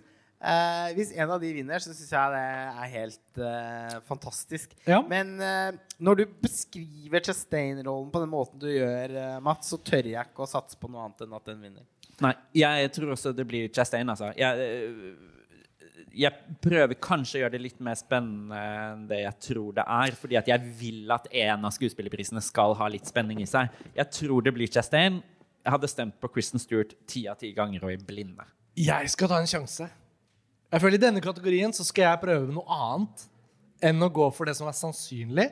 Alt er lov, at- unntatt å si Kidman. Hun var favoritt ganske Du vet, lenge. du. du vet. Du du minnes det. dagene var mørke. hun vant Golden Globe, jo. Ja, jeg vet ja. Men, eh, og du vet også at jeg ikke har sett Bing ser- Ricardo, så jeg ville aldri stemt på noe jeg ikke har sett. Men la meg nå foreslå. Jeg tror at det kan inntreffe at mange i akademiet ser parallelle mødre. Og for de som hører på oss, som ikke vet at den filmen nå går på norske kinoer, så kan jeg bare si en ting. Den filmen, den gjør inntrykk. Og jeg kommer med spådommen om at her blir det sånn totalt split vote. Og nok akademimedlemmer ser parallelle mødre til at Penelope Cruz plutselig står der og får Penelope Cruz Oscar. er høyt elsket. Hun har bare én Oscar eh, fra For før den rollen er det mulig å gi Oscar til. Ikke sant? Og mange ville jo tenkt at hun Altså, hun fikk den jo eh, for eh, Woody Allens 'Wicked Christina Barcelona'. Fantastisk film og en fantastisk rolleprestasjon av Penelope Cruz. Yep. Det var jo mange som tenkte at hun også skulle hatt den for Volver. Eh, og dette er jo hennes første hovedrolle i en Almodovar-film eh, på veldig, veldig lenge. Altså, broken, altså Brutte omfavnelser fra 2009 er den forrige. Så det er jo også et slags comeback for Penelope Cruz. Dette er, det er ganske lenge siden noen av oss har sett henne i en film med kunstneriske ambisjoner eh, gjøre en hovedrolle som gjør inntrykk. Det er, det er lenge siden. Ja, og jeg, jeg går ut litt på stupebrettet og sier at jeg spår faktisk at noe sånt inntreffer. lyst, du, jeg har også lyst til å være kul. Så jeg spår det, men hjertet mitt er fortsatt i den prestasjonen til Kristen Stewart, som gjorde så voldsomt inntrykk i Venezia. Jeg gleder meg fortsatt veldig til å se Spencer om igjen. Ja. Så ja, jeg håper selvfølgelig på Kristen Stewart, for det er jo en rolle Det er den jeg håper aller mest på. Skulle hun fått Oscar for den rollen, Ja. så kan hun stå ved det 60 år senere Ja. som en gammel krok og si jo, men det var faktisk litt fortjent. Ja, ja, ja. Så ja. OK, er vi ferdig med denne Kristen kategorien? Stewart, hvor kul er ikke hun? Altså, vi er Du får ikke Oscar for å være kul, ikke sant? Du får det for uh, Nei, da hadde Du skulle fått en Oscar for birolle for Adventureland, liksom. Jeg Ja. kunne fått det for den Clouds, for- og Clouds of Seals Maria og alle disse rare. Ja. Ja. OK, skal vi gå videre til neste kategori, da? Next you fucking G. Ja. Og, og til de av dere som er her og hører oss på Vega, så er det ingen skam å tusle av gårde og kjøpe seg en øl og sånn underveis. Og vi er veldig glad for å gjøre denne episoden live. Det føles ut som at om man også kan senke skuldrene litt fra gravalvoret vi vanligvis knytter til, til Oscarspådommen og alt dette. Men en kategori vi ofte pleier å være veldig opptatt av og glad i, er neste på listen. Vi skal vekk fra skuespillerne over i det som helt feilaktig omtales som tekniske kategorier, men som selvfølgelig er filmkunstnerisk enormt betydningsfulle kategorier. Den første av dem er beste foto. Ja. Og her er de nominerte Dune, Nightmare Alley, The Power of the Dog, The Tragedy of Macbeth og West Side Story. Skal vi rive i fotografenes navn også på veien, eller? Ja, skal vi se om vi klarer det. Altså, Dune er i alle fall fotografert av Greg Frazier. Ja, Nightmare Alley er fotografert av Dan, Dan Lausen, den danske fotografen som har vært nominert tidligere. The Power of the Dog er en tidligere ukjent fotograf, Ari Wegner, Wagner. Eh, kvinnelig fotograf, bare den andre nominert i den kategorien noensinne. Ja. Yes, Etter Rachel Morrison ble det for Mudbound. stemmer. Eh, Tragedy of Macbeth er Bruno Del Bonel, en kjenning for uh, uh, de fleste som har fulgt med på filmfoto de siste 20 årene. Han uh, gjorde han, Det var ikke hans debut, men han fikk sitt vanvittige gjennombrudd med den fabelaktige Amelie fra Montmartre til Jean-Pierre Genet, som han ble Oscar-nominert for for mange, mange, mange år siden. Og så kanskje Kanskje ja, Det er jo vi, Er det din vi, vi må favoritt? bare få snakke om et, Vi må nok snakke om et par-tre, men ja, i mine øyne er dette eh, verdens fremste nålevende filmfotograf. Janusz Kaminski på West Side Story. Og Mats, jeg kan avsløre at eh, da nominasjonene kom, Ja. så var jo ryktene lenge at West Side Story var så ute av racet at det kunne, det kunne hende at fotoarbeidet til Janusz Kaminski ikke skulle bli nominert. Og jeg har aldri Altså, et jubelbrøl lignende det Lars Ole utbrøt da det viste seg at Kaminski faktisk var Ja, vi så det på telefon sammen, Ja, ja, på og, da, da brøt jeg i et voldsomt jubelbrøl. Ja. Ja. Fordi ryktene var nemlig Og dette er ikke til å tro, men rykt, Men altså, det var Belfast som liksom skulle Ja. hatt den nominasjonen. For det første er det en skikkelig dårlig film, men den er også ikke spesielt bra fotografert. Selv om den er i svart-hvitt. Altså, West Side Story har Nå. altså et filmspråklig mesterskap som alle som er opptatt av film, bare reagerer helt naturlig på. Etter at den endelig fikk premiere på Disney Pluss, og folk omsider fikk sett den, så har, du, har jo Facebook-wallen min vært fylt av folk som skriver om at de blir rørt bare av kameraarbeidet i West Side Story. Hvor ofte skjer det? Mats, du er jo et moderat sentrum her nå. Ja. Ja, altså jeg ble nesten bekymret.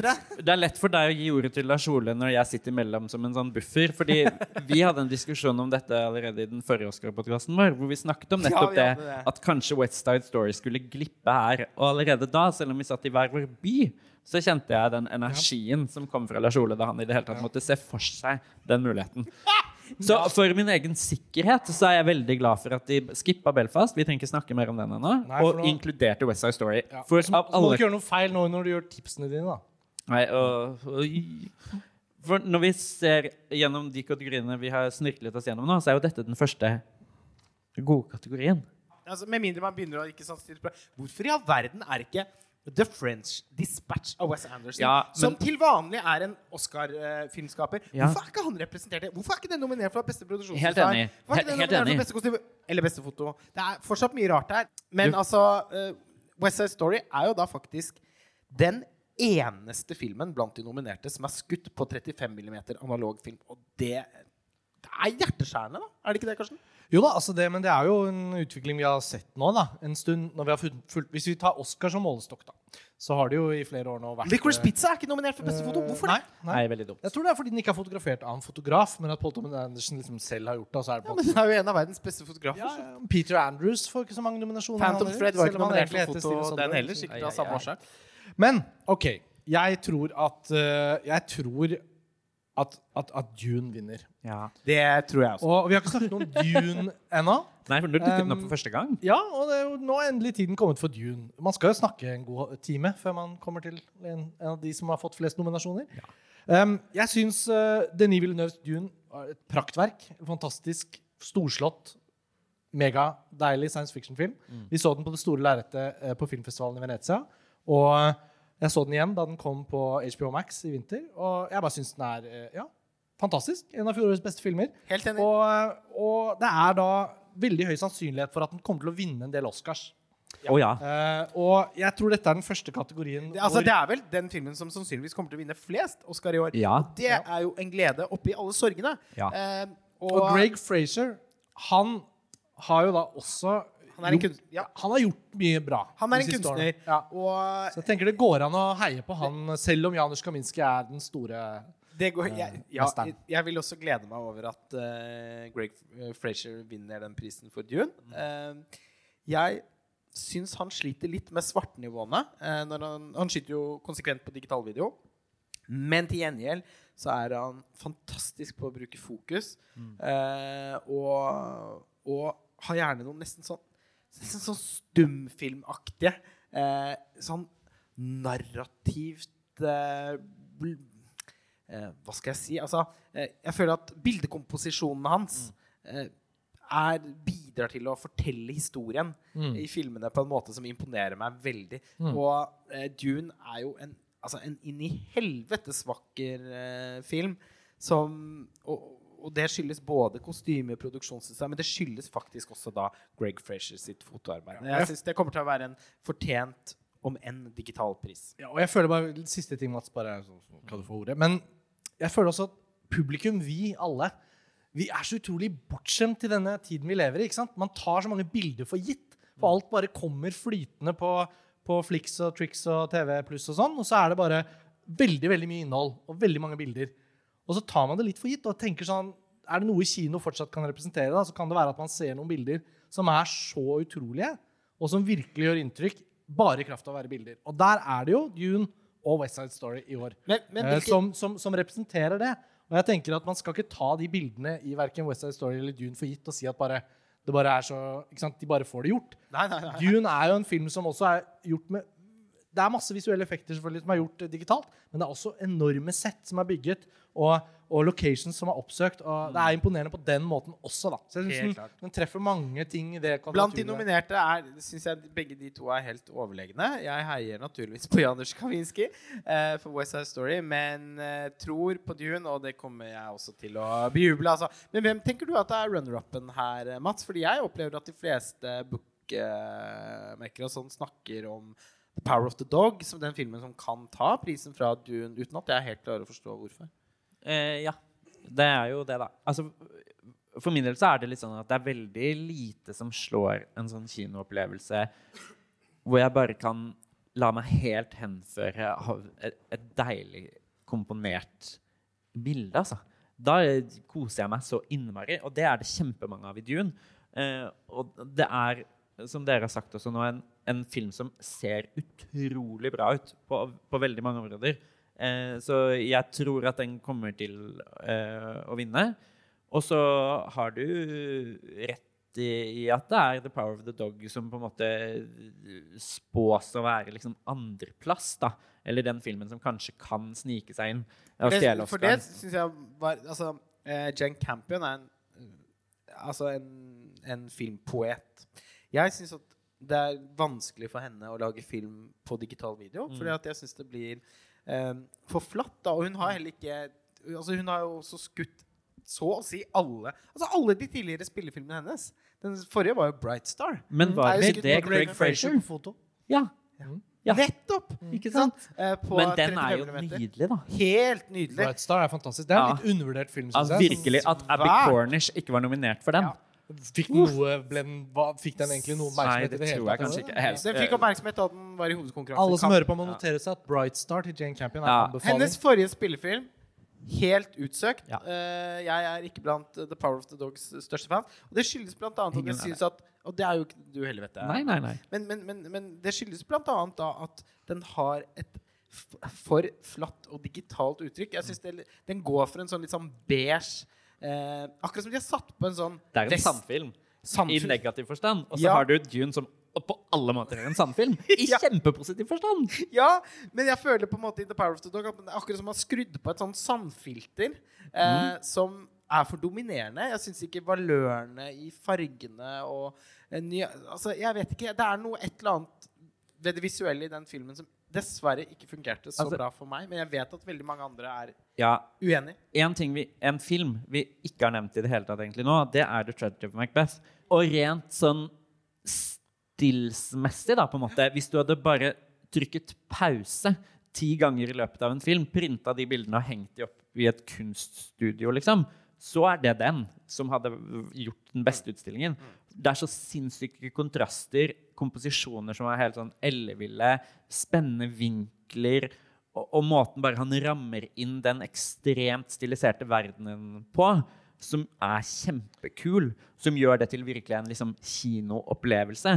For det er en ganske sånn tung film. Det er Shakespeare, og det er veldig stilisert språk, og det er en det er en prøvelse på en måte å sitte og prøve å følge dialogen og være litt sånn derre Skjønner man egentlig helt hva som skjer når de snakker om det? Og det, det er bra, liksom, men det er tungt. Det kjennes som en sånn film man må jobbe seg gjennom. Men som en ren sånn visuell opplevelse. Kjempekul. Men så er det litt viktig å huske på at foto ikke bare handler om lyssetting. Eh, Det handler også om kamerabevegelser. Ja, og, Og- alle mine er sånn Det var veldig fint bilde akkurat der hvor du trykket pause, mens Ja. du er bare sånn vil ha introscenen på West Side Story gjennom gangen inn i dansen. Jeg vil ha den. Ikke sant? Ja, det er det som er pure cinema for meg. Altså, jeg hører veldig ofte folk sier det når de skal skryte av foto i filmen. Å, jeg kunne tenkt meg å henge alle bildene på veggen. Ja, Men de skal ikke henges på veggen, for det skal være levende bilder. Og da er jo kamerabevegelsen eh, vesentlig. Og West Side Story har altså et så imponerende kameraarbeid at jeg nesten omkommer av å se filmen. Ja, og Hvis noen som hører på nå, ikke har sett West Side Story ennå, fordi den hadde kinopremiere samtidig med, mens omikron hadde viruspremiere eh, i, i Norge, så er den på Disney Pluss nå. Jeg tar det ikke for gitt at alle abonnerer på Disney Pluss, men det er noen som gjør det. Det er å å der fins den. hvor bra den filmen Ja, er. og Altså, den, den, den er verdt å se. Finn, det er to venner. En med Disney Pluss-abonnement og en med en jævlig svær TV. Ja, ja. Helst uh, hjemmekinolerret. Vi, Vi, vi får må komme videre, kanskje. ja, alle tror at Dune Hvert år når vi gjør denne podkasten, så avslutter vi denne kategorien med sånn Nå må vi komme oss videre fra fotokategorien. Men vi, vi beveger oss videre til en annen kategori som står ganske høyt i kurs, uh, i hvert fall eh, for meg, nemlig kostymedesign. Ja. Og her er de nominerte Cruella, Cyrano, Cyrano uh, Dune, Nightmare Alley og West Side Story. Ja. Jeg kan ikke huske alle navnene på alle kostymedesignere som er nominert, så vi får oppfordre lytterne til å slå det opp. Det er kanskje litt diskriminerende mot kostymedesign-kategorien, men akkurat på det skjemaet vi har, så har vi ikke navnene til alle de nominerte. Dette er eh, Vi tar det når vi kommer til sminke og hårstyling, og du skal si alle de nominerte? Ja, eller? da, da, Den prisen må vi betale for å gjøre dette live. At Ja, vi kan ikke ja. søke opp, eh, opp, opp navn underveis. Beklager på forhånd til de eh, nominerte kostymedesignerne. Men jeg vet navnet på den som vinner, da, hvis det er noe trøst. Ja, for, la oss starte med det, da. Jenny Bevan kommer til å vinne for Cruella.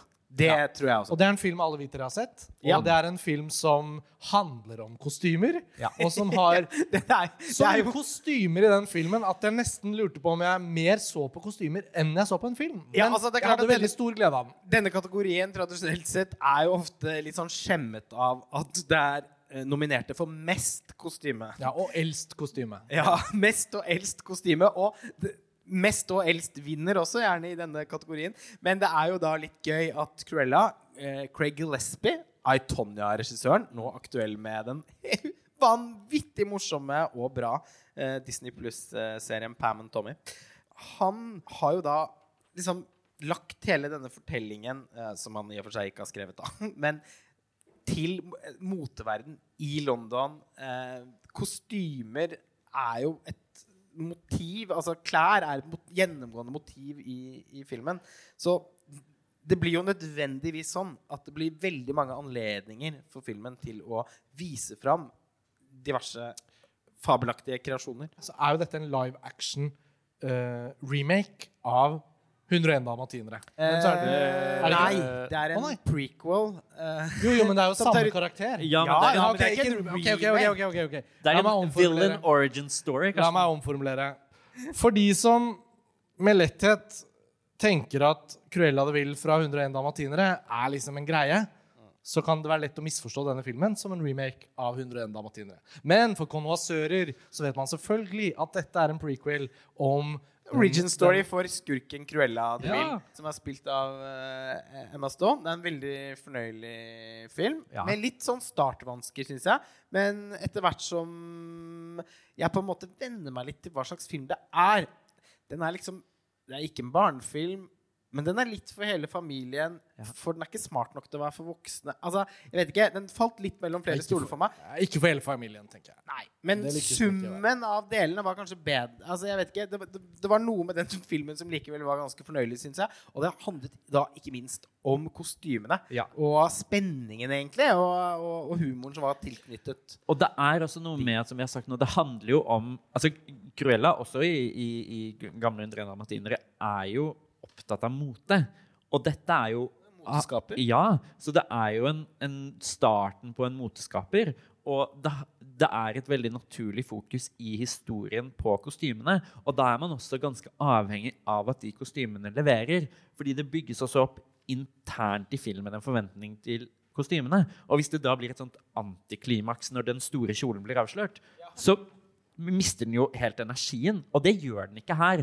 Nei, gjør faktisk ikke det, fordi man eh, Altså, det har vært lagt ned et, et helt spesielt grundig arbeid i, i at de uh, ulike kostymepremierene i løpet av fortellingen skal uh, ja, skal, i, i- skal imponere. Og så er den i tillegg da til å eksistere i et sånt slags sjangerunivers, på en måte. Eller Multiverse. Ja, så er den jo også satt til gamle dager. Så sånn sett så er den jo Den klokker jo huker jo av på.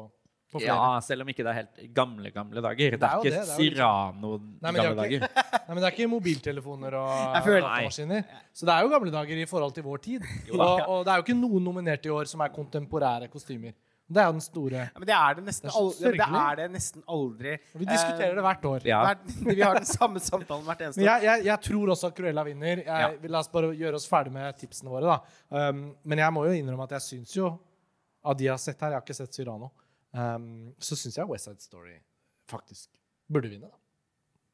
Altså, Den sitrongule kjolen. Ja, det kommer jeg. Akkurat det øyeblikket med the Boast, når hun liksom bare danser ut på gaten der Jeg har snakket om dette på Filmfrelst tidligere i vinter. da vi snakket om filmen. Det er liksom blitt et sånt stort, litt sånn ikonisk cinematisk post-korona-øyeblikk for meg, når man var tilbake og så noe på det store lerretet og kjente på den kraften. Så ja. Eh, jeg er naturligvis ikke uenig i det. altså Kostymene i West Side Story syns jeg er helt vilt imponerende. Når det er sagt, så er min favoritt i denne kategorien Dune. Eh, for meg er det sånn Ridley Scott-kostymer. Eh, ja, det har vi også sagt eh, og gjentatt oss selv til det kjedsommelige.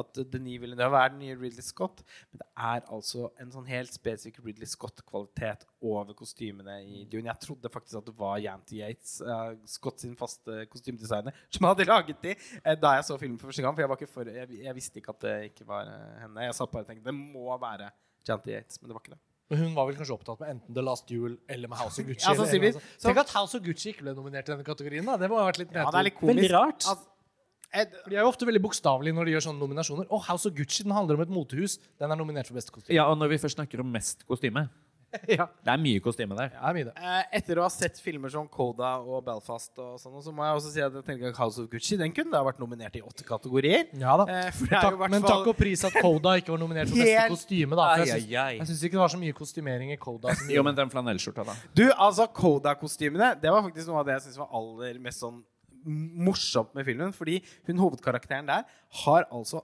så utrolig trøttsom stil. Ja. Og den minner om sånn stil som de avfotograferte i engelskbøkene på ungdomsskolen og videregående skole hadde. Som var en sånn stil som var sånn Det var som om ingen skulle føle seg krenket eller føle seg mindre kule av å bla i engelskboka. Nei, jeg er helt enig. Og det skiller seg veldig fra den fransk, Så kjip! fransk språkskolelooken. Språkskolelook, ja. Men engelsk, ikke fransk. For det franske er ofte litt mer bagett. Liksom. Ingen skal føle seg mindre Skal liksom føle seg ukule av, eh, av pensum. Nei. Men det var i hvert fall i nåtid, da. Og vi vil jo egentlig ha litt Ja, ja nåtidskostymer nominert, eller? Ja, men, da synes jeg, Men tenk, men tenk på kostymene i Drive My Car, for eksempel. Unnskyld at jeg nå For det høres kanskje ut som en spøk å nevne det. Men hun sjåføren der, Sinnssykt fin kostyme. capsen, hettegenseren, betydningen av hvordan det skiller henne fra de andre Altså, ja, Men vi trenger ikke å bruke en time på en analyse av kostymene. Eller kostymene i parallel, eh, parallelle mødre. Men, men ja, Dune er eh, altså min smaksfavoritt her. Jeg er minst like imponert av kostymene i West Side Story. Men det er klart, når man, et, når man liksom bygger et eh, sånt funksjonsunivers som da Frank Herberts Dune er Og ja, igjen, akkurat som jeg snakket om at eh, at liksom fotografen Greg Frazier sine bildekomposisjoner bidrar til å fortelle historien, så syns jeg også kostymene i Dune gjør det. da Ja. Og så er de bare så kule. Altså god smak. Ja, Årets beste sånn pusterør også. Eh, er det sminke eller kostyme? Ikke sant? Ja, det, altså det, De lærde det kateteret. Ja. Veldig kult. Um, skal vi bevege Og oss det er klart altså, Når man har også da mennesker som eh, Timothy Chalamet og Zendaya til å kle opp med kostymer, så Det er ikke så vanskelig. blir det ikke så vanskelig. Sier jeg som om Da jeg ser, kunne det gjort det. da ser det bra ut. Vi eh, beveger oss eh, videre til Ja. Vi har, En altså, av på de- listen vår så har vi beste regi nå. Ja. Skal vi vente med den? Er det ikke litt stigning med akkurat beste regi og beste film? Jo. Ja, Så da hopper Den vi videre kan til vi beste, utsette. beste dokumentar. Ja. Og jeg kan lese opp de nominerte. Der har vi filmene Ascension, Attica, Flee, eller Flukt, da, som det heter på norsk, Summer of Soul og Writing with Fire. Og jeg vil bare først starte med å si at alle disse fem filmene vises nå på tilgjengelige tjenester, strømmetjenester ulike art i Norge. Ja. Så disse kan man få sett. Ascension det er en dokumentarfilm om den gradvise økonomiske utviklingen i Kina. Den vises for tiden på Paramount Plus. Jeg tror den også ble vist på NRK2 typ i går kveld. eller noe sånt, at jeg kom over den på TV. Så det er bare å reise tilbake i tid og se. ja. Attica uh, er på Viaplay. Uh, Flukt er på alle mulige forskjellige leie- og klikketjenester. Summer of Soul er på Disney Pluss. Og Writing with Fire er på NRK nett-TV. Jeg bare tenkte å ta den runden, fordi akkurat med dokumentarene så er det jo ofte sånn at filmene ikke nødvendigvis er på kino. Eh, dessverre, kan man si. For mange av dem er jo laget for det store lerretet. Men jeg tenkte dette var en god anledning til å i hvert fall nevne filmenes tilgjengelighet. Eh, jeg personlig har eh, ikke fått sett alle, men jeg har jo allerede sagt at Flukt av de jeg har sett, da, ville vært min personlige favoritt i denne kategorien. Når det er sagt, så vet jeg at alle uh, måleenheter som man bruker, tilsier at denne konsertdokumentaren 'Summer of Soul' er den store favoritten. Og da følger jeg bookmakerne og spår at 'Summer of Soul' eh, blir den som vinner den prisen. Jeg har gjort det samme, eh, men eh, mitt hjerte banker da også for Flukt, som jeg syns er en av fjorårets beste filmer, uansett sjanger eller teknikk. Altså, Summer of Soul har jo allerede overkommet det største hinderet som Oscar-akademiet setter opp akkurat for denne kategorien. Og det er at de vanligvis snubber favoritten. Hvert år i forkant av nominasjonene så er det pekt seg ut en eller to filmer som alle forventer at skal bli Du, er nominert. Og så sier akademiet nei, det blir ikke deg. Men, men gjorde den ikke Også- det litt i år, da? Med The Rescue. Nei, ja, og, jo, og det var liksom den som led litt den skjebnen. Ja, det Men det det var Summer of Soul alle var sånn ekte bekymret for. Fordi Ja. det var virkelig den store favoritten. Ja. I fjor var det jo tre stykker eller noe sånt. Dick Johnson is Dead og Boy State var bare sånn Nowhere to be found. Helt sånn skandaløst eh, valg. Så bare det at den er nominert, tenker jeg at det er sånn Ja, men da, de kunne bare nominert den, og så sagt ja, da, da blir det den. Mm. For det, jeg, jeg er nesten ikke i tvil, jeg. Det, bortsett fra at det var Attica som vant uh, Directors Guild Award for dokumentar. Ja, og- som en sånn liten sånn Kanskje det ikke er helt over ennå. Og mange som hører på, har kanskje sett uh, Sidney Lumets Dog Day Afternoon, hvor Al Pacinos rollefigur, når de holder gisler i banken der, kommer ut av døren og roper 'Erika, Erika'. Som Aksel sier i 'Verdens verste menneske'. Altså, Hvor mange ganger skal man se Dog Day Afternoon? Ikke sant? Og Her beveger Oscar-referansene seg i en slags sånn trekantkonstruksjon mellom Dog Day Afternoon og Verdens verste menneske og Attica. Og denne dokumentaren handler om det fengselsopprøret som det blir referert til i Dog Day Afternoon. Og um, den uh, er som sagt på Viaplay. Jeg må innrømme at den fikk den såkalte Nord-effekten. Altså at jeg begynte å se den, men ikke klarte å få sett den ferdig da jeg hadde tatt på pause. Og noe av årsaken til det var at det var nesten bare talking heads Ja. den første timen. Og talking heads er jo intervjuer i dokumentarfilm. Det begrepet som beskriver et menneske som sitter og svarer på spørsmål. Og det er klart at når en hel time nesten av filmen bare går med til det, da er jo i hvert fall på en måte det filmatiske aspektet eh, nullet ut. Da må man være utrolig interessert i den tematikken. Og egentlig var det jo litt gripende opplegg på gang der. Så jeg håper det ikke blir en evig Nord-effekt. da. Men uh, foreløpig har jeg bare sett halve filmen. Ja. Og jeg tror ikke den Du eh, er vel uh, komplettist, eh, Mats? Du har Ja, har du sett alle fem? Jeg har sett alle langfilmene som er nominert i år. Ja. Ja. Så alle Så hva er, dine, hva er dine spådommer, da? Nei, jeg spår Summer of Soul, uh, og syns det er uh, fortjent. Uh, og den, den deler jo på en måte litt med, med Attica i den forstand at det er en sånn arkivdokumentar ispedd litt talking heads, men som jeg syns de har løst på en mye mer engasjerende måte. Og jeg er ikke sånn spesielt Jeg vet at jeg banner litt i kirka nå, Lars Ole. Spesielt musikkinteressert. Eh, så ja. Eh, men allikevel så lot jeg meg veldig fenge av denne fortellingen om en slags sånn New York Woodstock-festival som, som eh, i hvert fall har gått meg helt huset forbi. Egentlig ikke overraskende. Men, men som det Nei, I og med at du ikke er interessert i musikk. Nei, men som det også virker Eller som at ikke engang glad i musikk. jo, da glad i det hvis jeg vil. Men det er en sånn festival som har funnet sted, og som det virker som at også denne filmen er lagd litt sånn for å si sånn Hallo, har dere fått med dere at dette faktisk skjedde? Eh, og det er en veldig stor eh, opplevelse som jeg skulle ønske at jeg hadde sett på kino, egentlig. Eh, og som jeg tror kommer til å vinne, og som jeg for så vidt syns eh, er fortjent, selv om jeg hadde stemt på Flukt, ja. Ja. Da er vi jo ganske unisone her, da. det- Kjedelig enige, kanskje. Ja, men det er en ganske Jeg syns ikke det er en så spennende kategori. Men det er sjelden at det er det, egentlig. Altså, Nei, men jeg opplever opplevde hvert det år at ikke Flukt helt overlegent den beste filmen i denne kategorien i år, da? Nå spekulerer jeg litt, siden jeg ikke har sett alle, men Min erfaring med denne kategorien eh, er jo egentlig at de fleste av de aller beste dokumentarene som lages hvert år, ikke blir nominert Ja, til ja, ja, ja. eh, Oscar. Ja, ja. Eh, vi kan vel bare kjapt bevege oss eh, videre til neste kategori. ja. Og dette er også kategorien hvor Mats får litt ordet. Fordi vi skal nå over til de, eh, hvert fall den ene av kortfilmkategoriene. Og jeg hadde jo virkelig satt meg som mål i år, for jeg så at de var tilgjengelige. I år skal jeg bevege meg gjennom eh, beste kortdokumentar. For der er det flere Så virket det som nesten halvparten eller flere var på Netflix. Ja. Og eh, likevel rakk jeg det ikke, da. Så Eller Ja, men- rakk det ikke. Jeg klarte ikke å få gjort den prioriteringen. Nei, det er det. Er det Men de er ganske lange i år. Ok, men Kan ikke du fortelle oss litt, grann, lese opp filmene og fortelle oss hvilken film som kommer til å vinne, og hvilken du syns bør vinne? De nominerte kortdokumentarene i år er Audible, Lead Me Home, The Queen of Basketball, Three Songs for Benazir og When We Were Bullies.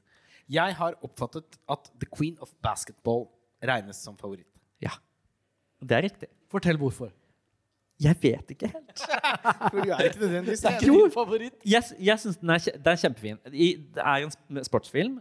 Det handler om det som Sportsfilm. Vi elsker jo sportsfilm. Ja, vi gjør det. Og dere kommer til å elske denne også, for den handler om en kvinnelig basketspiller som blir rekruttert inn i proffbasketverdenen, og som eh, meget sannsynlig på et tidspunkt der var verdens beste basketspiller. Og hun eh, er fortsatt i live. Det er heldigvis ikke så lenge siden. Eh, og hun er fortsatt et utrolig sjarmerende menneske som gjør seg veldig godt i en sånn dokumentarsetting hvor hun bare kan sitte og fortelle om sine opplevelser. Og så er det jo selvfølgelig med masse klipp fra, fra gamle dager og man ser henne spille basket og på en måte bare se hvor overlegen hun er, selv i en tid hvor basket gikk litt saktere og var litt mer stakkato. Så det er en veldig sjarmerende film, mye takket være henne.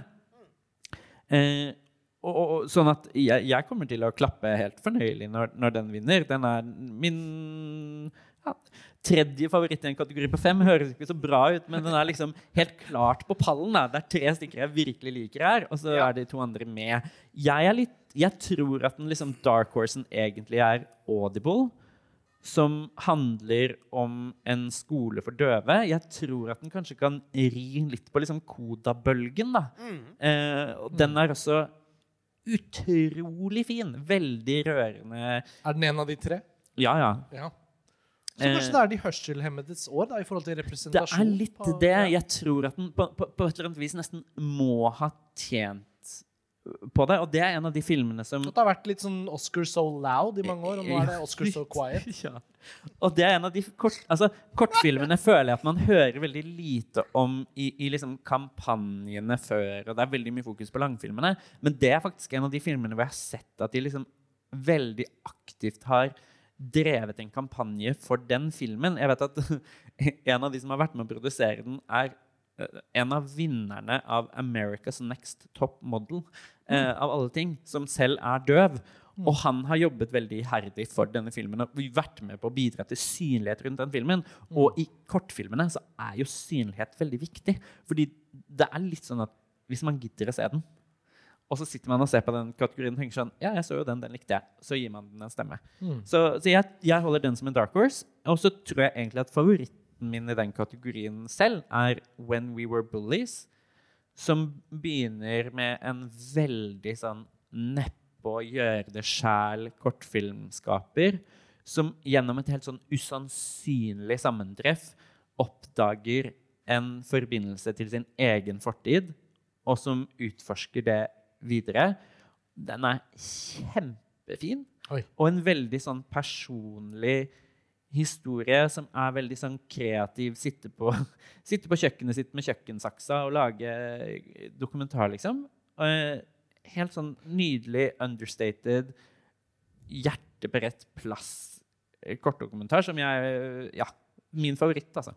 Har du lyst til å ta oss gjennom hvordan vi kan få sett hvert disse tre som du syns er veldig bra? da? Ja. Eh, Audible, Lead Me Home og Three Songs for Energy. Nå tok jeg bare de tre fordi de er på Netflix, alle de tre. Mm. The Queen of Basketball er jeg sånn 97 sikker på at jeg så på Vimeo. Og When We Were Bullies så jeg rett og slett på YouTube. Ja, ja ok. Men da vet alle eh, som hører på, da at kan vi det er mulig å få sett de før utdelingen eh, søndag. Eh, neste kategori er eh, Siste før vi tar pause. Ja. Men eh, den og, skal vi ta nå. Og den er jo også blant de aller gjeveste, nemlig beste klipping. Som eh, mange av lytterne våre vet, Karsten, så er jo du filmklipper. Så du ja. kan få æren av å introdusere Takk. kategorien. Ja, altså beste klipp de nominerte er Don't Look Up, Dune, King Richard, The Power of the Dog og Tick Tick Boom. Foran West Side Story. ja. Foran alle de andre filmene. Sarah, Brosh Sarah Broshnar og Michael Kahn på West Side Story. Hvordan er det mulig, tror du, Karsten? Nei, altså, jeg tror det Jeg tror rett og slett det hovedsakelig er mulig fordi Jeg tror hovedårsaken til at West Side Story ikke er i fullt så trøkk mot å vinne alle Oscarene den er nominert til i år, som den burde vært, det er den generelle, liksom sure tonen som jeg har registrert om at folk syns det er teit at det er gjort en remake av West Side Story. Mm. At amerikanerne og, og Oscar-akademiet de har så nært forhold til den originaladaptasjonen av musikalen som opprinnelig da kom i 1957. Uh, filmen, den første filmatiseringen kom i 1961, og den vant jo masse Oscars. Og den var veldig ekspressivt flott klippet, for eksempel, ikke sant? Mm. Og, Og jeg tror bare mange av en eller annen grunn har bestemt seg for at de syns det er helt feil og teit og unødvendig at den er blitt gjort en remake av. Og så var det nesten Coda ingen som er en den. remake av en fransk film. Ja, tenk på det. Eh, altså, det, er ikke, ikke det er masse andre remakes her i år, så det er ikke det. Men det er fordi de forbinder for mye med den originalen, og dermed har det spredd seg. Og så ble den ikke helt en kommersiell suksess. Det ble jo en kommersiell fiasko, rett og slett. Den Takket være omikron. Under omikronbølgen osv. Og, og den lanseringen på Disney Pluss som gjorde den allment tilgjengelig for hundretusenvis millioner av folk, den kom akkurat litt for sent, antageligvis. men det er, som likevel gjør meg forundret, er jo at ja, altså, akkurat denne spesifikke kategorien Fordi Ja. Ja, det er eh, er det noe de fleste er enige om blant cinefile som kan greiene sine, så er det at de to beste amerikanske filmklipperne i verden de siste 50 årene, det er Thelma Schoonmaker, Mm. Martin Scorsese sin faste klipper, og Michael Kahn, Spielberg sin faste klipper. Ja. Og det er de to største amerikanske filmskaperne i sin generasjon. Ja. Eh, så jeg ble eh, oppriktig sjokkert over at eh, Michael Kahn, og nå i samarbeid da med det som eh, blir hans arvtaker, eh, Ja. Sarah Brushnar, Ja. ikke, at de ikke ble nominert, men i stedet Don't Look Up og Tick Tick Boom. Ja, men ikke sant? Det, når, når- vi diskuterer Oscar-prisen og liksom skal komme med spådommer, og sånn, så føler jeg at klippekategorien, og det har vi nok sagt mange ganger tidligere på akkurat denne episoden, er ofte veldig preget av at det er klippete klipping. Altså veldig sånn synlige klipp. Yes. Veldig sånne voldsomme, tydelige, klippete filmer som blir nominert. Og det er jo ofte filmene til både Scorsese Ja, og og, Spielberg. sant? da, Vi refererer jo i nyere tid ofte til Whiplash, som vant Oscar for beste klipp. Den var veldig klippete, og den var bra klippet. Eh, og, og The Matrix vant i sin tid. ikke sant? At De gangene det er en sjangerfilm eller science fiction actionfilm som er nominert, så har de, har de ofte veldig gode muligheter. Altså Eh, På samme måte som vi snakket om mest kostyme, så Ja, er det også lett klipping. å gå for mest Altså, The klipp. Born Ultimatum vant til Oscar for beste klipping. Ja, Og veldig det, fortjent, altså, da, eh, det, må det, sies. det bør også nevnes som sånn Oscar-trivia, da. Ja. Eh, som kanskje ikke alle er kjent med fra før av. Veldig, veldig lenge så var det sånn at det å vinne prisen for beste klipping var regnet som den viktigste indikatoren for hvilken film som tok igjen prisen for beste film. Det har smuldret opp i løpet av de siste ti årene. Jeg vet ikke helt hva som er årsaken til det. Men kanskje blant annet fordi at klippeti-kloppete filmer som eh, Mad Max Fury Road, Born Ultimatum, The Matrix, Whiplash osv. Ja. Eh, og ikke minst min favoritt i, i denne slags sub-sub-sub eh, Dette sub-sub-sub-sjiktet. The Girl with the Dragon Tattoo Ja. av David Fincher. Altså, eh, en, en film som Oscar-akademiet tross alt hadde ganske mye til overs for, men det var liksom virkelig ikke en favoritt i noen andre kategorier. Var heller ikke favoritt til å vinne beste klipp, men det var den overlegent beste og i alle fall mest spektakulært klippede filmen det året. Mest synlig klippede filmen. Ja, for- Og den vant. Ja, fordi jeg skulle til å si uh, Underforstått at man setter pris på det synlige, at det er liksom Ja, ja, ja, ja, ja. Men, Men- f- altså for å følge opp den Én ting er at før var det en nærere statistikk mellom det å vinne beste klipp og vinne beste film. Det er nesten uhørt å skulle vinne beste film Uten å være nominert. Altså Nomadland, Spotlight, Green Book var nominert for beste klipp, altså. Aha, på, på, Ja. på Green Book Ja. nominert for beste klipp. Ja. Ja, og det var jo en av årsakene til at mange mente at det er mulig at Green ja. Book vinner. Og Så- da kan jeg jo trøste deg med at en film som ikke er her, Lars Ole, det er Koda. Koda er ikke her, så vi kan sove trygt. Eh, Men West Side Story er heller ikke her, så det er antageligvis få muligheter til Nei, nei, men, Men altså, det, ja. jeg tror ikke Lars Ole går inn med noen illusjoner om at West Side Story skal vinne beste film. Nei, nei, nei, nei, nei, nei, det, nei. Det har jeg ikke tro på. Jeg, jeg har jo også gått inn i et slags modus nå hvor jeg blir litt sånn kamikaze. Altså May the worst film win. Jeg vil ikke at dette skal ramme mine viktigste favoritter i kategorier der de har mulighet til å vinne. Men i de, mange av de største kategoriene så er det jo sånn at de filmene som jeg eh, hegner om, er liksom eh, underdogs, da. Mens filmer som Coda og Belfast er, er i toppsjiktet blant favorittene. Og da blir jeg litt sånn Ja, måtte verste film vinne? Altså, da tenker jeg eh, da- kan Coda eller Belfast vinne, og så kan vi Men bruke det retorisk i mange år eh, i etterkant for å si Se hva som skjedde det året. Eh, la oss forsøke å dra Oscar i en ny retning. Men vi har ennå ikke snakket om Don't Look Up. Nei. Og det er en film som for første gang nå dukker opp da i samtalen. fordi den den er det nominert til beste. Veldig delte Og- meninger om. Og, og Adam McKays klipper Hank Corwin, som han heter, har jo en veldig klippete klippestil. Det, det må man si. og eh, faste lyttere minnes kanskje hvordan vi så godt vi kunne radbrakk hans forrige film Vice. Jeg skulle til å si, Han ble ikke ditt umiddelbare idol etter Vice. i Eh, nei, han er ikke mitt umiddelbare idol, for å si det sånn. Men det er likevel i Don't Look Up, som ikke er den dårligste Adam K- McKay-filmen. Nei. Å nei, slett Eh, ikke. nei. Tvert imot eh, er den jo Meget Det er jo et, Ja. et hav unna The Other Meget Guys. underholdende film. Ja. Den- er et hav unna The Other Guys fortsatt, men, eh, men Jeg syns, er jeg syns ikke, filmen ikke er dårlig. jeg syns ikke filmen er veldig god, men Nei, jeg var den er veldig godt underholdt. Ja. Og jeg syns den minnet Den er det mange som har sett. Den minnet meg om en sånn type film som man kunne zappe innom på TV Norge på 90-tallet og ta opp på VHS og ende med å se ganske mange ganger. I de sånn Mars Attacks, Independence Day Sånn ja. satire som involverer Det hvite hus, kombinert med et eller annet slags science fiction-element.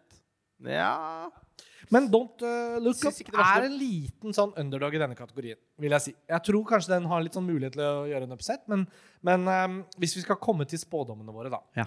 så um, er denne kategorien ikke sånn én til én enkel i år. Det kan komme en overraskelse her. Likevel så er det mye som tilsier at sportsfilmen King Richard seiler opp som en slags favoritt. Den den vant fagprisen fra ACE, Ja. American Cinema Editors, og sportsfilmen i hvert fall i den grad det handler om en idrett der det fins en viss sånn energiutløsende aktivitet. Ikke sant? Ikke sant? Strangers on a Train-style. Så er det jo noen flotte tennisscener her. Og det er også montasjer og godt klippede dramatiske scener. Ja, men altså, Filmen er jo kjempebra klippet. Ja, for den er- sånn, den er bra klippet. fortjent. Den er superklassisk. Den fyller Den hele klipp, synlig klippete, men den er veldig elegant Ja. eh, utformet. Og den dekker hele aspektet av hva ideelt sett en godt klippet film skal være. At både de dramatiske scenene og den generelle fremdriften, og at den har litt sånn energiutløsning. Ja, for jeg tenker sånn, det, det, er jo, det er jo så lov for en konvensjonell film å være fryktelig godt klippet. Det, trenger, altså det må ikke være en, en, en, en Joachim Trier-film eh, for, eh, for at klippingen skal eh, så, For at man skal kunne løfte opp det som et litt sånn bærende eh, en bærende fagfunksjon. Og der, der, jeg syns det er noe litt sånn rent og flott med at King Richard er da er nominert, og faktisk nå, da, pga. at klipperne har gitt den sin egen pris, favoritt. Når det er sagt, så tror jeg kanskje likevel at jeg ville stemt på Dune. Ja. Altså, jeg tror King Richard vinner. Ja, det Jeg syns tror jeg er- også. jeg syns og det veldig- vil- syns jeg vil være gledelig, fordi jeg liker den filmen Jeg så godt. syns den er veldig god. Jeg gutser på at um, altså da, Så da er det min favoritt, på en måte. Men jeg gutser på at kanskje Don't Look Up tar den. Uh, av ren sånn Fordi den filmen, den har Tenk hvor mange som har sett den. Mange. Ikke sant? Alle har sett den. Alle Og har jeg sett tror- Dune også. Den er veldig lett ja, men det er veldig lett å sette fingeren på at det er noe bra klipping der. Ja da. Og jeg bare, jeg må gutse litt på noen av disse spådommene nå.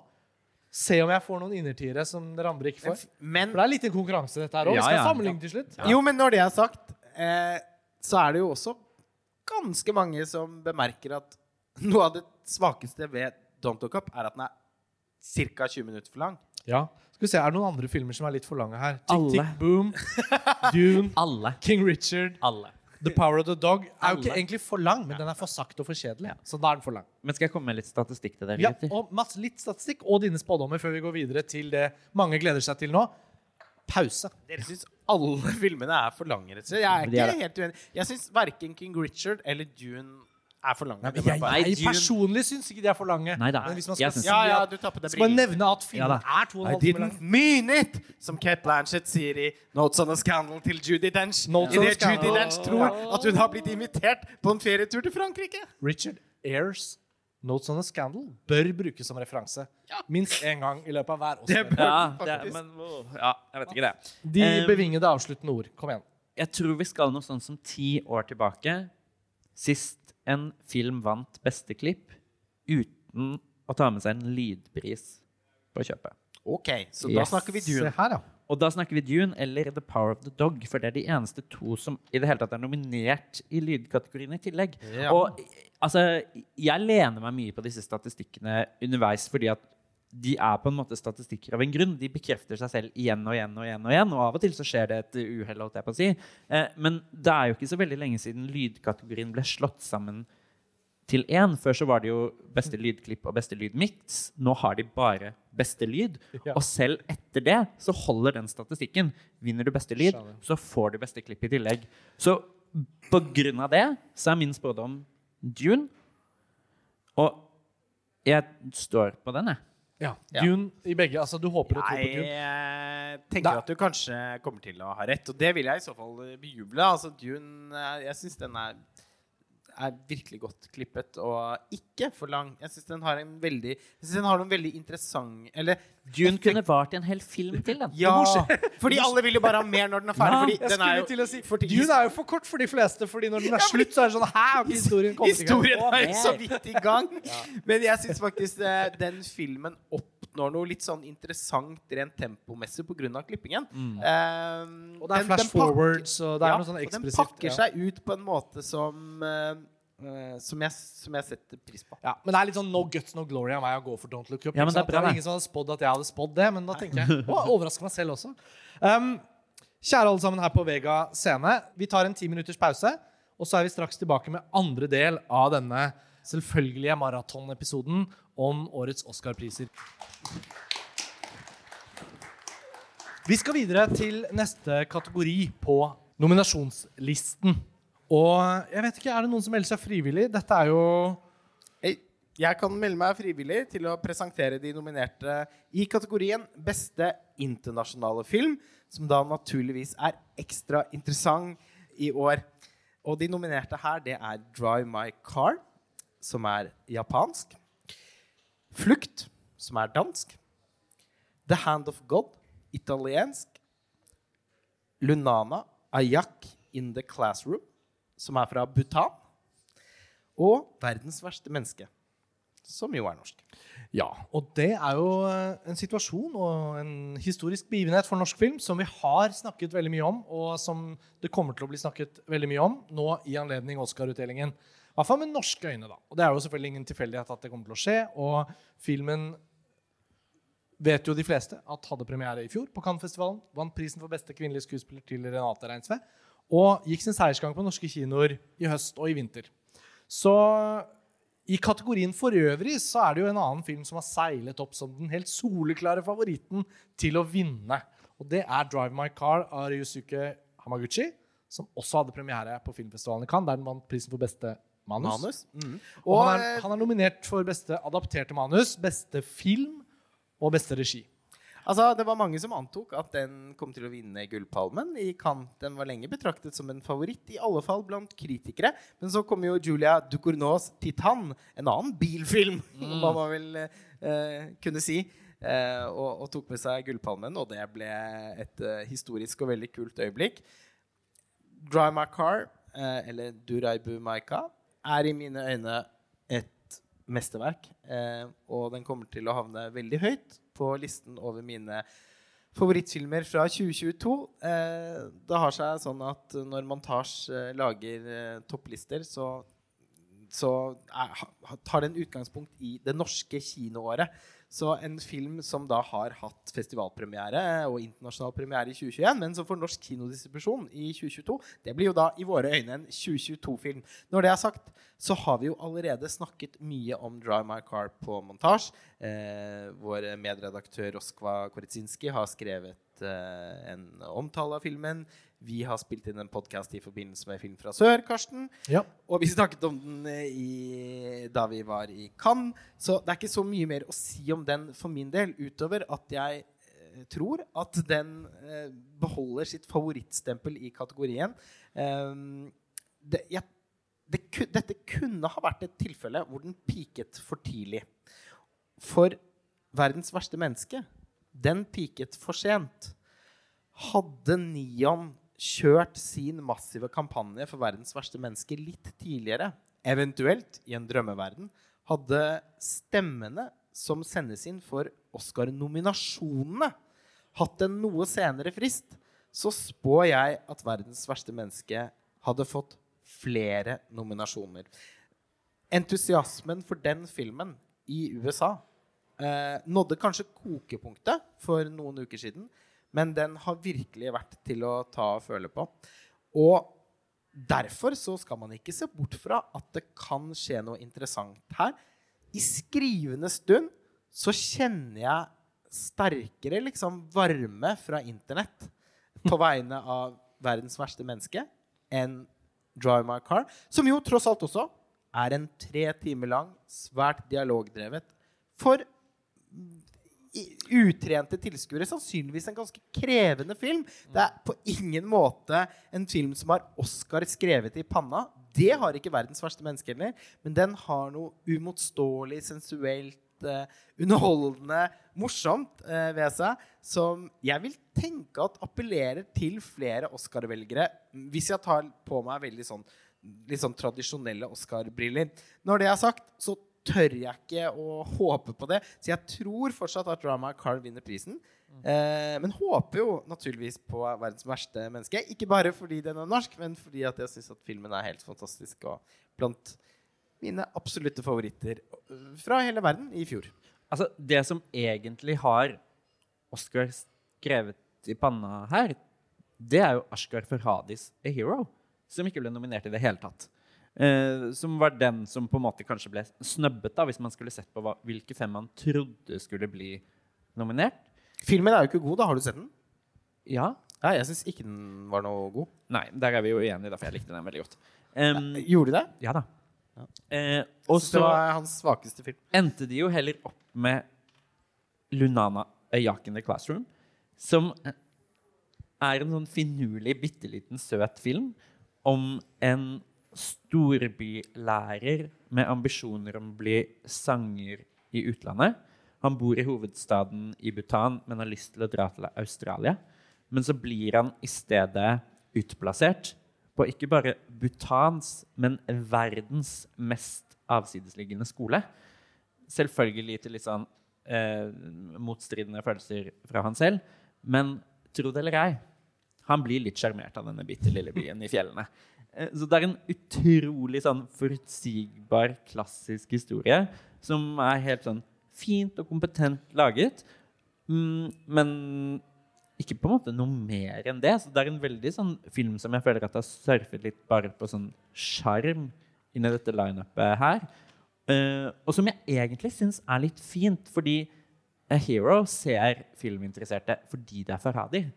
Mens Lunana A Yak in the Classroom den hadde ikke jeg sett hvis ikke den var Oscar-nominert. Altså, det, det, det er en veldig morsom film du trekker inn i samtalen her. i og med at Jeg hadde kanskje sett for meg at samtalen vår kommer til å fokusere mest på det Lars Ole var inne på, og så kommer vi til å bevege oss videre.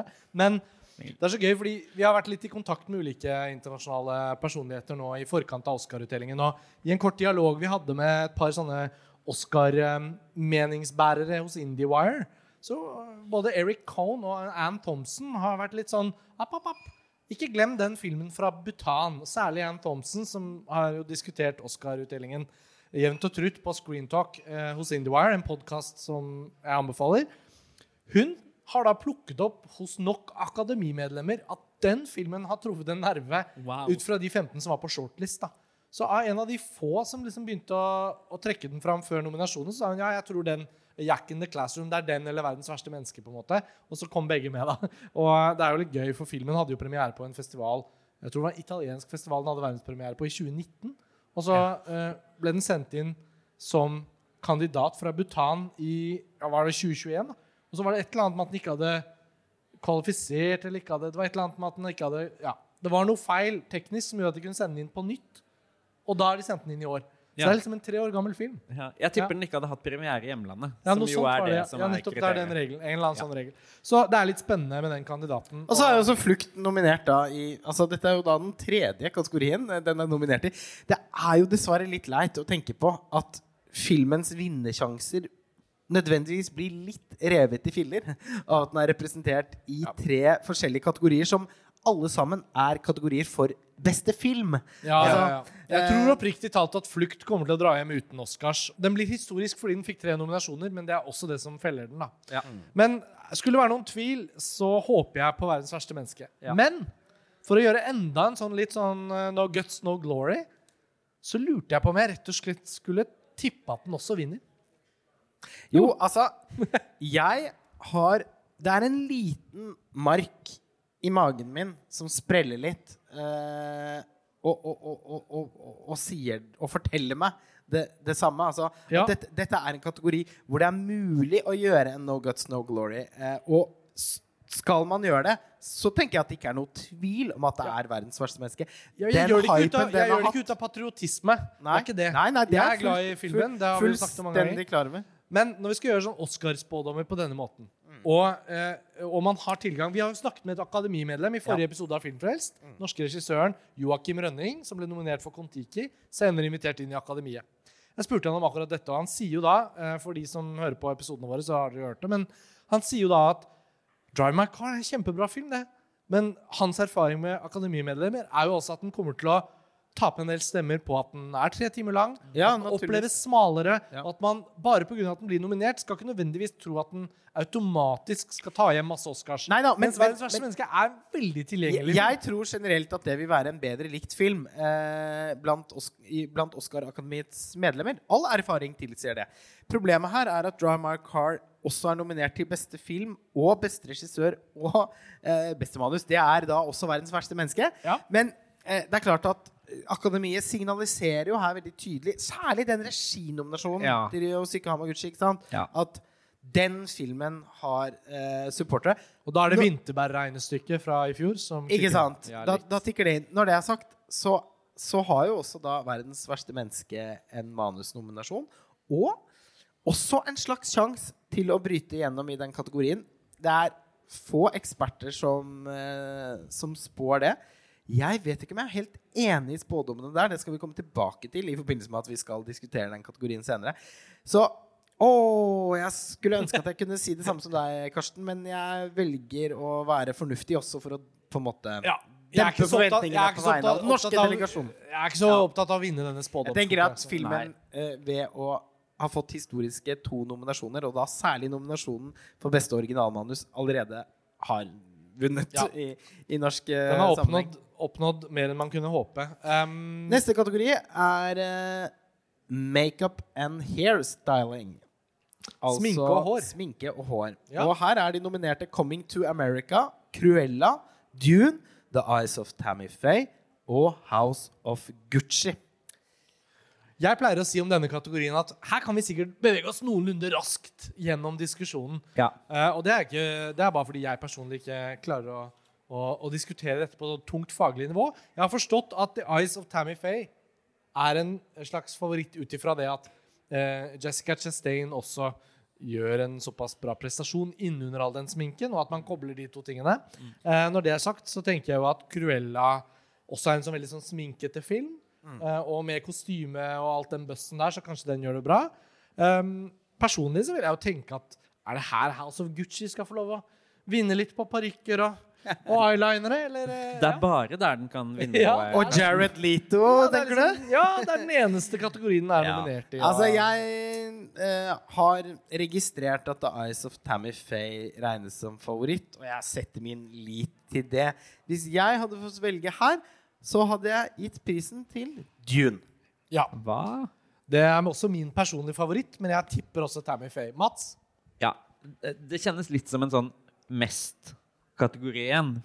Fordi det er mye sminke i Coming to America, det er mye sminke i Cruella, det er mye sminke i House of Tammy Faye, og det er mye sminke i House of Gucci. Det er faktisk ikke så mye sminke i Dune. Nei, og den er Bare- mye mer subtil. Yes. Men, og det tror jeg jo er til deres ulempe. Ja, det, denne definitivt. situasjonen. Ja, altså, jeg tror Filmens ikke det er sjans. Ja. Men hvis jeg fikk bestemme, så ble det Dune fordi at uh, der er det sånn at sminken på en måte spiller sammen med kostymene. Ja. Og det er jo en veldig stor del av eller eh, i hvert fall en del av hvorfor den filmen ser så bra ut. Fordi alle elementene funker sammen. Ikke sant? og ikke minst sminken. Sminken er ikke en isolert spesialeffekt. Nei. La oss uh, bevege oss videre til uh, neste kategori, da, som jeg vet at engasjerer panelet i mer. Mer enn sminke og hår? Jeg skjønner ikke. Eh, prisen for beste originalmusikk. Og her er de nominerte Don't Look Up, Dune, Encanto, Parallelle mødre og The Power of the Dog. Ja, altså um, Jeg håper og tror at Hans Zimmer vinner for Dune, for å starte der. Vi kan Og- jo starte med å si han- at Er jo en av de beste filmkomponistene noensinne. Og har bare vunnet én Oscar noensinne, og det var for 'Løvenes konge'. Hans Zimmer er den største siden John Williams. Og den eh, kanskje største Oscar-taperen i nyere tid. Altså eh, Vel, vel. Tom, Thomas Newman ville sagt Thomas. Newman ville rukket opp en tann og sagt 'Hva med meg?' Ja. Men Hans Zimmer er tross alt kanskje fem ganger så stor som Thomas Newman. Og har bare vunnet én Oscar for soundtracket til 'Løvenes konge'. Vel fortjent, selvfølgelig, men at Hans Zimmer ikke har vunnet for 'Gladiator', 'Den tynne røde linjen', samtlige Christopher Nolan-filmer eh, som han har bidratt til, er jo og blir Altså, det er et, en gåte for de aller fleste som er interessert i filmmusikk. Så det har jo blitt sånn at man nær sagt nå på automatikk heier på Hans Zimmer hvis han er nominert. Ja. Fordi vi må, vi, den, den, man er nødt til å på en måte gjøre noe med den deprimerende Ja, det har blitt en sånn Roger Deakins-situasjon. At nå Ja, de. Nå må de bare finne ut av det og Ja. gi ham en Oscar. For det holder ikke med den fra 1994, syns jeg. For da var ikke engang Hans Zimmer helt blitt seg selv. Og så vil nok de fleste Zimmer-fans da også kunne innrømme at mm, Skulle kanskje ønske at han fikk da sin pris nummer to for Interstellar, f.eks., for foran Dune. Når det er sagt, eh, så er Dune nok det mest ambisiøse og kunstnerisk interessante soundtracket jeg gjorde meg kjent med i fjor.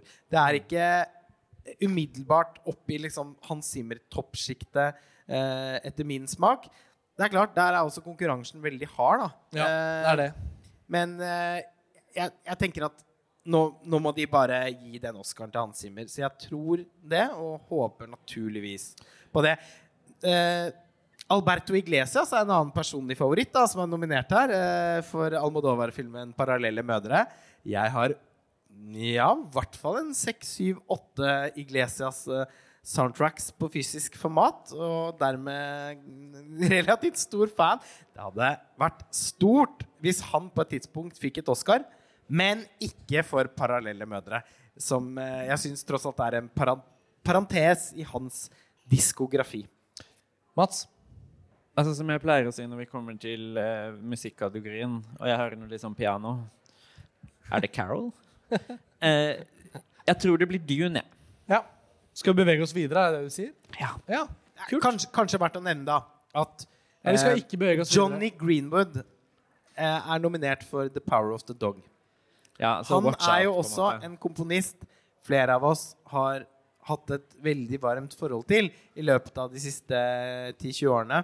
Hans store gjennombrudd som filmkomponist var jo da med Paul Thomas Andersons mesterverk eh, 'There Will Be Blood'. Og hans eh, bidrag til den filmen er skjellsettende. Det er en plate jeg har hørt veldig, veldig, veldig mye på. Og eh, han ha, hadde jo et veldig imponerende 2021. Johnny Greenwood komponerte jo også musikken til Spencer, som jeg syns han burde vært nominert for i stedet for The Power of the Dog. Mm. Ja. Men uh, det er en lengre diskusjon. Jeg vil si kort om Johnny Greenwood at jeg syns ofte det er veldig bra på film. Og overraskende lite lyttevennlig i, sånn separat for seg selv. Som album. Jeg har hørt ganske mye på The Blood, og for så vidt ganske mye på Phantom Thread. Ja, det Phantom Thread det har jeg hørt masse på. Ja. Men de andre not so much. Nei. Ok, Men la oss bevege oss videre til beste sang, og det er jo min favorittkategori. For å være kortfattet. Åh, Ja. Um, de nominerte er Be Alive fra King Richard, fremført av Beyoncé. Sikkert skrevet også. ja. Dos Orguitas fra Encanto. Altså da ikke Vi, vi kan ikke snakke om Bruno, men eh, en annen sang fra Encanto. Down to Joy fra Belfast av Van Morrison, som er vaksinemotstander og som ikke kommer til å fremføre den på Oscar-showet. No Time To Die av Billie Eilish og broren. Eh, no Time To Die eh, er jo også navnet på filmen. Og Somehow You Do fra For Good Days. Spørsmålstegn. Mats, forklar. Det jeg skal si, Ja, fortell oss. er at Diane Warren er en av de store Oscar-taperne. Hun har vært nominert åtte ganger uten å vinne. Mm. Og ikke minst de fem siste årene i denne på kategorien på rad. Ja. Og det er jo Det er ikke rekord, men det er høyt der oppe. Men det Eh, blir ikke noe Oscar til henne i år heller.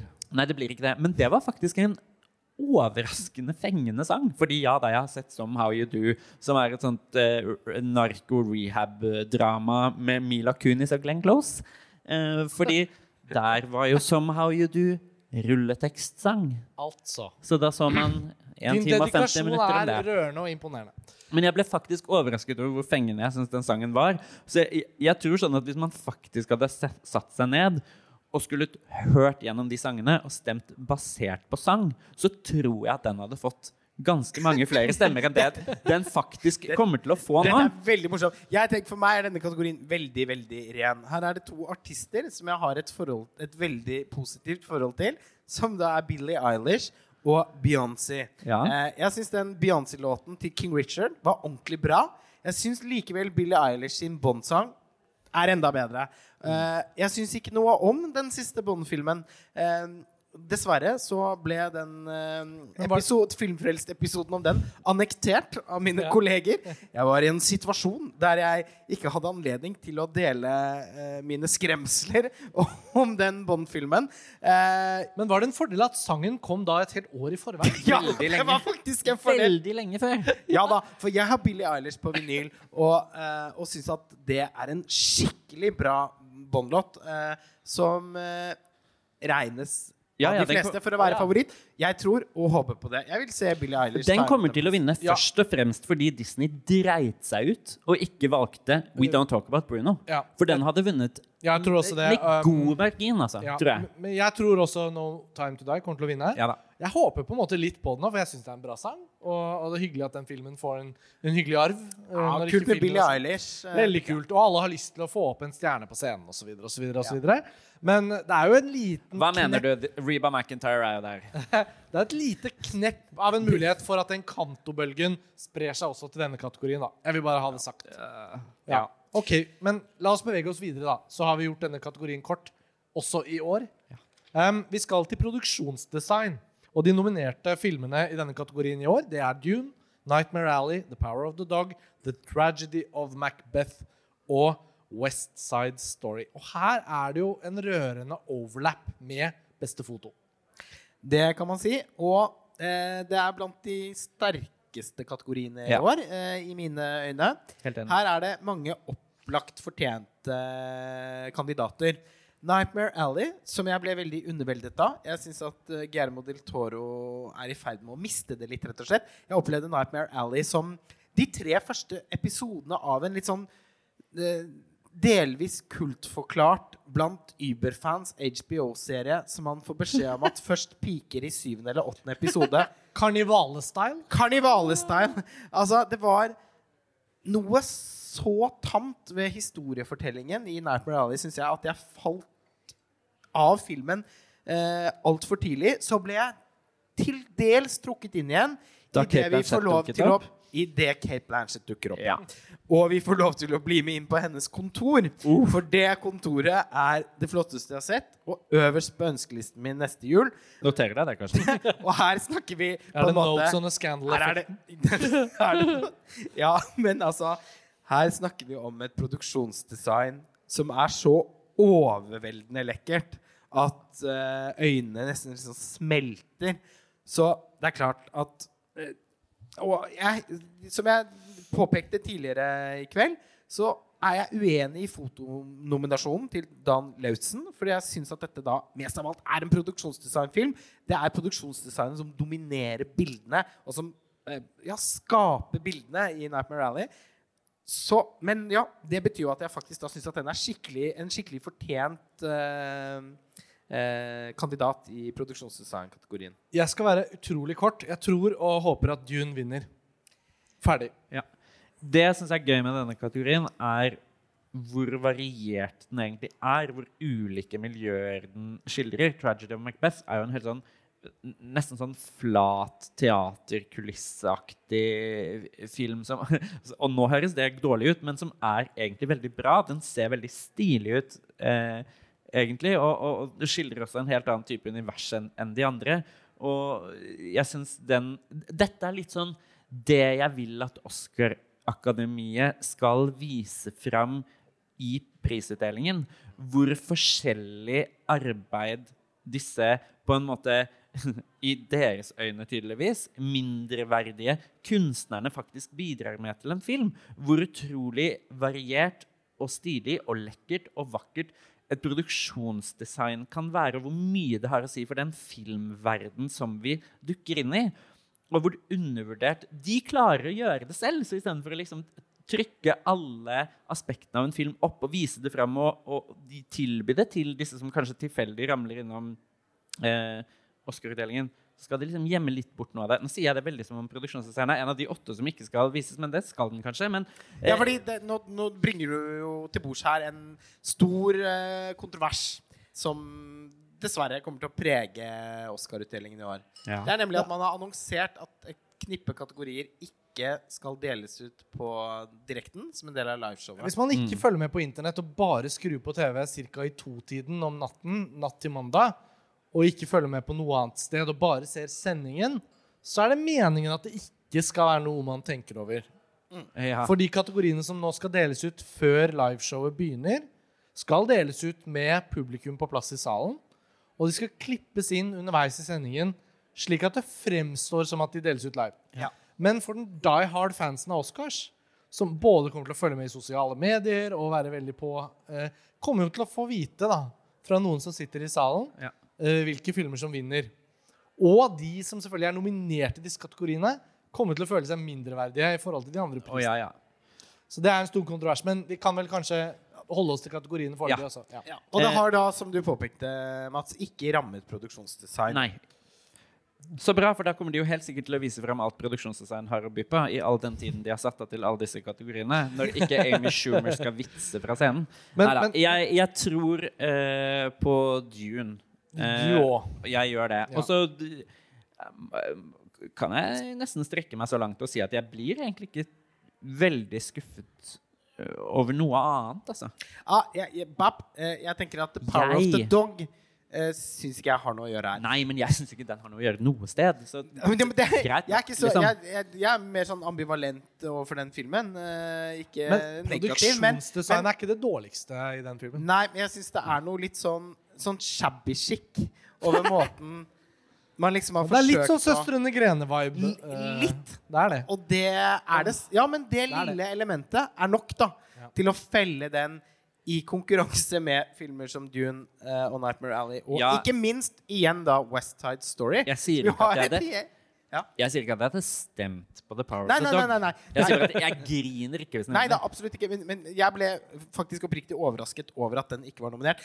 Jeg kan uh, i alle fall glede meg over at Belfast ikke, Ikke ble nominert. For der ser jo altså, eh, eh, Nesten Apropos hele teaterkulisser. Belfast for, ja, Apropos teaterkulisser. Nesten hele Belfast foregår i én gate, og det ser ut som husene Som, som alle husene er liksom malt på en vegg.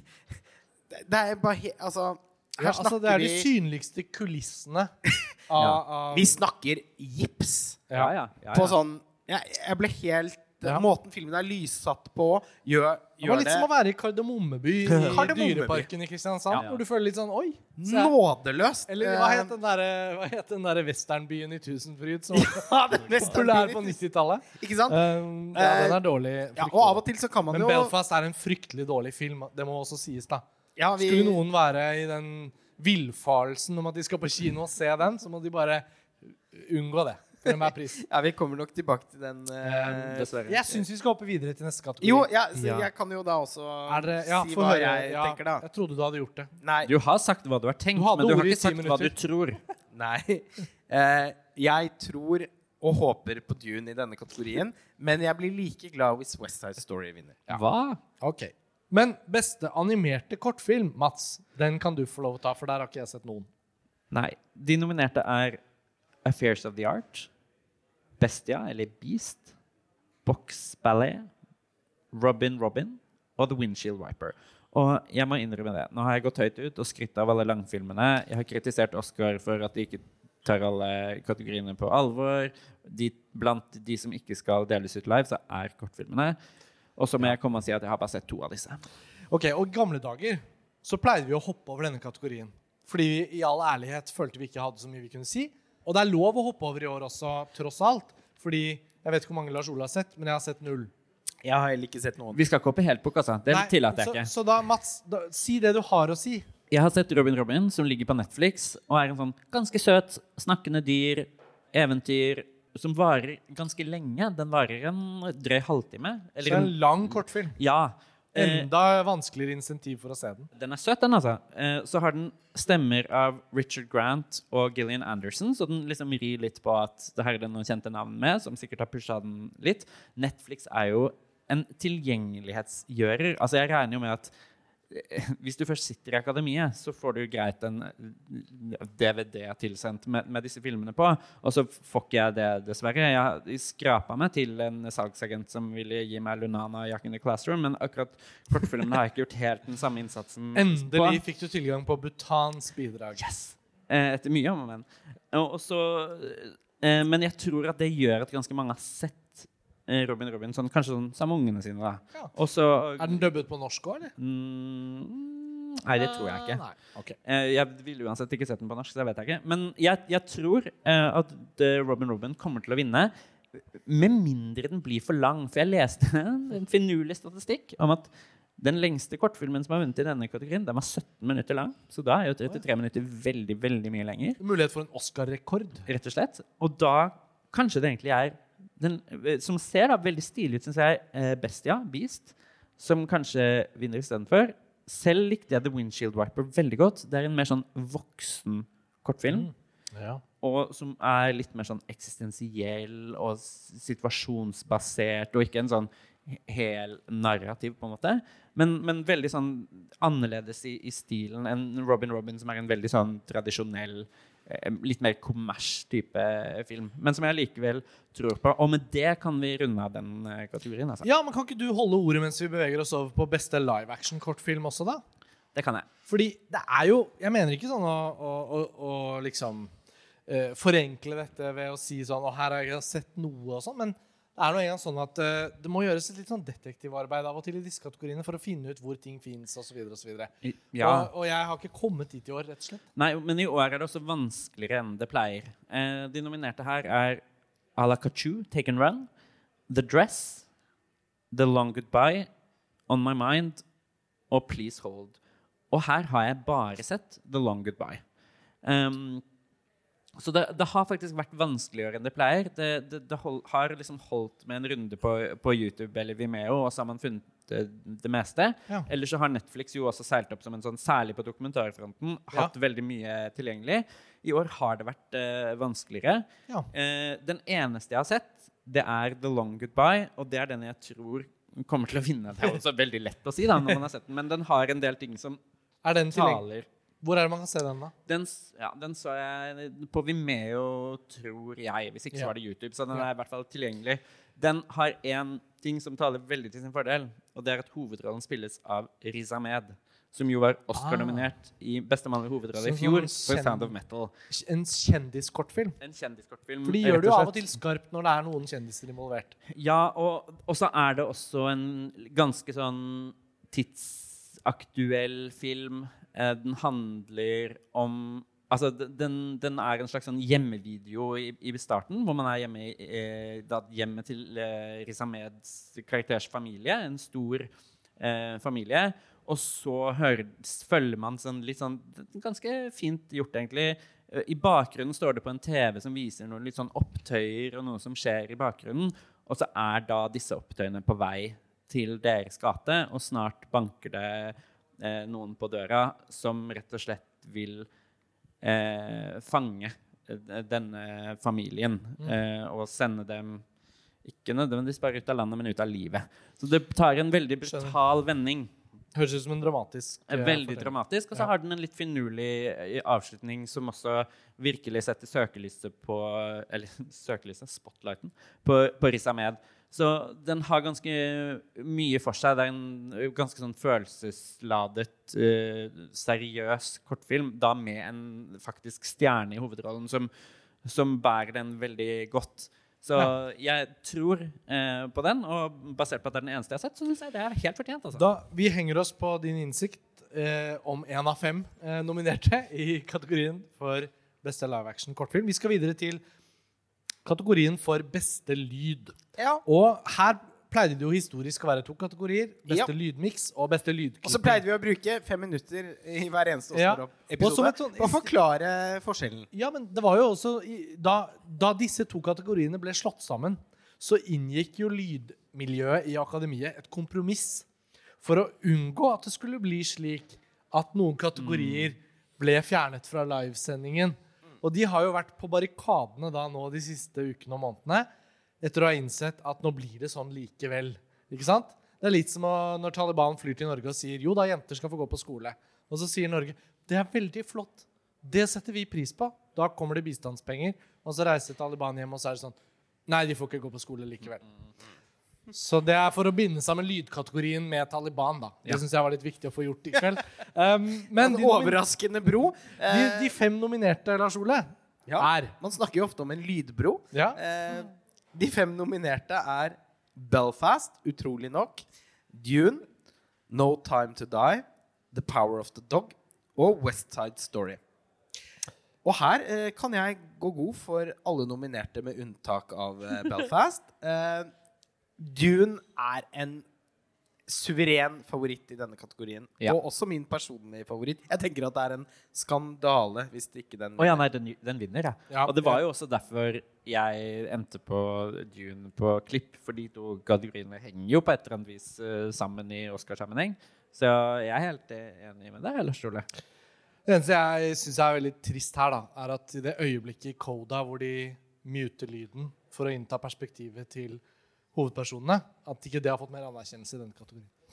Altså, det er kanskje årets kleineste Ja, unnskyld, jeg måtte bare, jeg måtte bare spøke Eh, litt De med det. må jo vende tilbake til Koda på et tidspunkt, faktisk. Altså, Ja, de bare- skal jo Hadde filmen vært kjempebra, så hadde det ikke vært så mye humor å skape ut av det. Men fordi filmen er så hårreisende svak, så føler jeg liksom at man må bare nevne den litt etter hvert som vi bygger oss opp. Aldri har man sett maken i Oscar-sammenheng. Og det utrolige er at Belfast ikke er langt unna. Så vi altså- snakker om et år der to historisk svake kandidater er helt i toppsjiktet. Mens eh, filmer som Licorice Pizza og, og, og eh, West Side Story og 'Dry My Car, for den saks skyld, er eh, underdogs. Det Ja, og, og faste lyttere vil jo kanskje Jeg må klype meg i armen, ass. Faste lyttere til i hvert fall disse tradisjonsrike episodene vil jo kanskje forbinde dette med filmer som Green Book eller Spotlight og sånn. Men da må dere òg huske at oh. de filmene er flere lysår bedre. Etter min, og Nå har jeg lyst til å smak. få litt valuta for pengene jeg har investert her. Fordi i forgårs, etter å ha sett Koda Coda og Belfast, så tok jeg et gjensyn med Crash til Paul Haggis. ja, ikke David Cronenbergs Crash. Ikke David Cronenbergs Crash, nei. Jeg tok et gjensyn med Crash fordi det gjerne har blitt en slags målestokk for liksom tidenes dårligste Oscar-vinner for beste film. Dette var en film, mine damer og herrer, som konkurrerte mot Brokeback Mountain. Brokeback Mountain var ansett som favoritt i månedsvis fram mot utdelingen i 2006 var vel kanskje utdelingen. For I filmene nesten, er fra 2000. og i nesten alle kategorier den var aktuell. Utdelingen var i 2005 eller 2006. Seks. Og det som skjedde, var at Brokeback Mountain peaket for tidlig, som det heter. Jeg glemmer aldri den Oscar-sendingen da hun som pleier å lede det programmet der ute på Red Carpet, sier Well, we've been talking about Brokeback Mountain for several months now, but everything I'm hearing tonight is crash, crash, crash. Og det lærte meg én ting. Når, jo, men altså Det som varsles på kvelden Altså hvis temperaturmålingen eh, liksom beveger seg i en retning, så skal man stole på det. Det har stemt i alle tilfeller etterpå. Og det var her I learned it the hard way. Eh, I etterkant så er det også komisk å tenke på at OK, den var nominert eh, opp mot Capote og Good Night, Good Luck. To veldig sånn respekterte, men i dag helt glemte filmer. Ja. Men de var også nominert opp mot Steven Spielbergs München. Ja. Og det er jo filmen som i dag har høyest status blant cinefile. Selv ikke Brokeback Up Mountain, som er et mesterverk. Men selv ikke den kan matche den statusen som München har i dag. Som blant de aller fleste som, som er deeper into movies, regnes som en av Steven Spielbergs aller beste filmer noensinne. Så Men det, det du, var- det du sier egentlig, er at hvis du er en skeiv cowboyfilm opp mot en jævlig dårlig film og en Spielberg-film, så skal du være litt redd for den jævlig dårlige filmen. Ja! Uh, nei! History repeats itself! Men det interessante ved å, å se Crash 1 og koste på meg det, det var at uh, filmen er ikke god. Den har et nei. Nei. Og den La hadde, oss starte der. Jeg, jeg, hadde vesentlig mer sans for den da den kom, faktisk. Selv om jeg stadig vekk syntes det var sjokkerende at den vant. Eh, den hadde på en måte utrolig nok tapt seg. selv om den ikke lå sånn kjempegodt an i utgangspunktet. Men filmen har et helt utrolig bra soundtrack av Mark Isham, som jeg har på CD. Eh, som jeg har hørt masse på. Eh, og det soundtracket alene er et ett kunstnerisk element som er altfor bra for filmen, men, man kan ikke, altså, men det er der. Dernest så er det en film med en viss atmosfære. Det er en Los Angeles-film. Åpenbart litt inspirert av Michael Mann. Her- Vi snakker First Price, Michael Mann. But it's something there. Uh, og så er det jo en film om strukturell rasisme. Uh, satt til uh, akademiets egen by Los Angeles. Og den er litt en sånn hvit manns do the right thing. Ja, i Og en First Price do the right thing. Eller Europris, eller kall det hva du vil. Ja. Men det er noe der som gjør at jeg kan forstå Ja. Ja, ja, at den skapte en sightgeist den gangen. Jeg kan forstå at Crash skapte noen følelser, at den gikk av litt som en bombe. At det skjedde noe i Crash. Så er det forstemmende på en måte i etterkant å se at filmen er så kantete, ganske kjipt skrevet, veldig ujevnt spilt, men tidvis også ganske bra spilt. Ja, ja. Eh, Sandy Newton. Tan- Tandy Newton. Jævlig bra, liksom. Mm. Eh, så Filmen er ikke god, men målt opp mot en film som Coda eller Belfast, så er den jo Gudfaren del to. Eller Heat av Michael Mann, som ville vært Ja. en mer passende sammenligning. Ja. Argo, eh, av, regissert av Ben Affleck. Også en, en Mye veldig bedre. sånn mobbet Oscar-vinner. Men mye bedre. Det er jo en film! Ja, ja, ja. Sånn. ja, Det ja. skutt av Rodrigo Prieto. Bare det! uh, Ja, ja, det har Det gått litt morsomt. Spotlight! Altså, helt utrolig at en så pregløs film kan vinne Oscar. Det er en meddrivende fortelling, da. Ja, Det det, er jo en f det er en film. Altså, som en konvensjonell film, Ja. så er den uh, vellaget. Til og med Green Book. It's a pretty good time at the movies. Ja, den er det. Altså- dessverre. Altså, dessverre. Jeg syns det er en terningkast tre-film, Ja. men likevel Man koser seg i hvert fall med den. Ja, og Viggo Mortensen ja, gjør en ganske herlig rolleprestasjon. Det er en scene hvor han bretter en pizza i to og spiser den. Det er noen ting med den Men altså, i, Coda. i Coda og Belfast så snakker vi om en sånn altså, Det er et absolutt år null, da. Ja, ja, ja, ja. Eh, det er amatørmessig, de objektivt, direkte, eh, svak filmskaping som jeg aldri har sett maken til i Oscarsammenheng. Og så er jeg fullstendig klar over at disse filmene har fans, og jeg mener ikke å være så arrogant at jeg eh, påstår at de må ha feil, men at jeg personlig er genuint eh, forvirret, eh, det er det i hvert fall ikke noe tvil om. Og hvis noen ikke husker hvilken kategori vi er i, så, Så er det lyd. så er vi i kategorien for beste lyd. Ja, nå snakket Lars Ole om Crash og sa at soundtracket der var bra. Men da fikk jeg originalmusikken til Brokeback Mountain opp i hodet. Og Ja, jeg kan jo ikke et eneste originalscore i hele mitt liv. Men den ja, åh. Gustavo Santaolalla. Ja, ja. Ja. Da, Han vant vel òg? Ja, det håper jeg, da. Han vant, ja. Og så vant han året etterpå igjen for Babel til Inaritu. Og eh, i Babel så eh, er hovedtema det samme som eh, Santaolala har komponert for eh, så mange som tre tidligere filmer. Så at den vant, er egentlig en scam. Men Det er også eh, veldig gøy at i årene etter at Santa Olalla hadde vunnet to ganger, så var det 300-400 filmer som bare hadde sånn meksikansk gitarmusikk som score, Ja.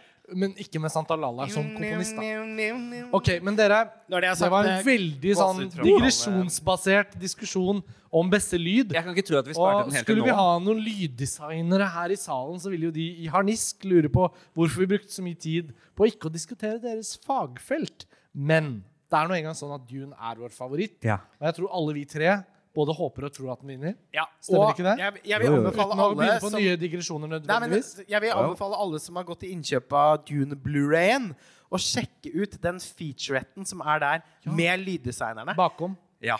Det, altså Å få liksom innsikt i deres arbeid ute i liksom ørkenen. Ja. eh, Med å fange lyden av sand.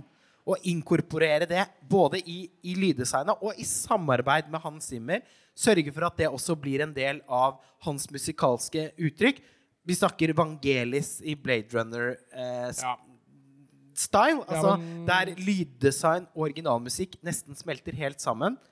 Eh, Varmt anbefalt eh, å sjekke ut. La oss håpe og tro at eh, Dune tar med seg den Oscaren. Og vi sa det jo her tidligere i episoden at Dune ligger an til å vinne mange Oscar eh, på søndag kveld. Flest. Eller natt til mandag. Flest, kanskje. Og i neste kategori, for beste visuelle effekter, så er det jo også ikke usannsynlig at Dune seiler opp som en slags favoritt. De nominerte er Dune, Free Guy, No Time To Die, Shang-Chi and the Legend of the Ten Rings og Spiderman No Way Home. Og så skulle det vært Godzilla versus Kong. Ja. Er, den, Godzilla versus Kong. Ja. Har du sett den? Ja. er det din favoritt? For den var på shortlisten til Visual Effects. Oh, ja. Da var jeg, kom jeg den i forkjøpet og tenkte sånn Dette er jo helt åpenbart at den skal bli nominert. Det var kjempebra effekter. Ja, både sånn, Godzilla og Kong.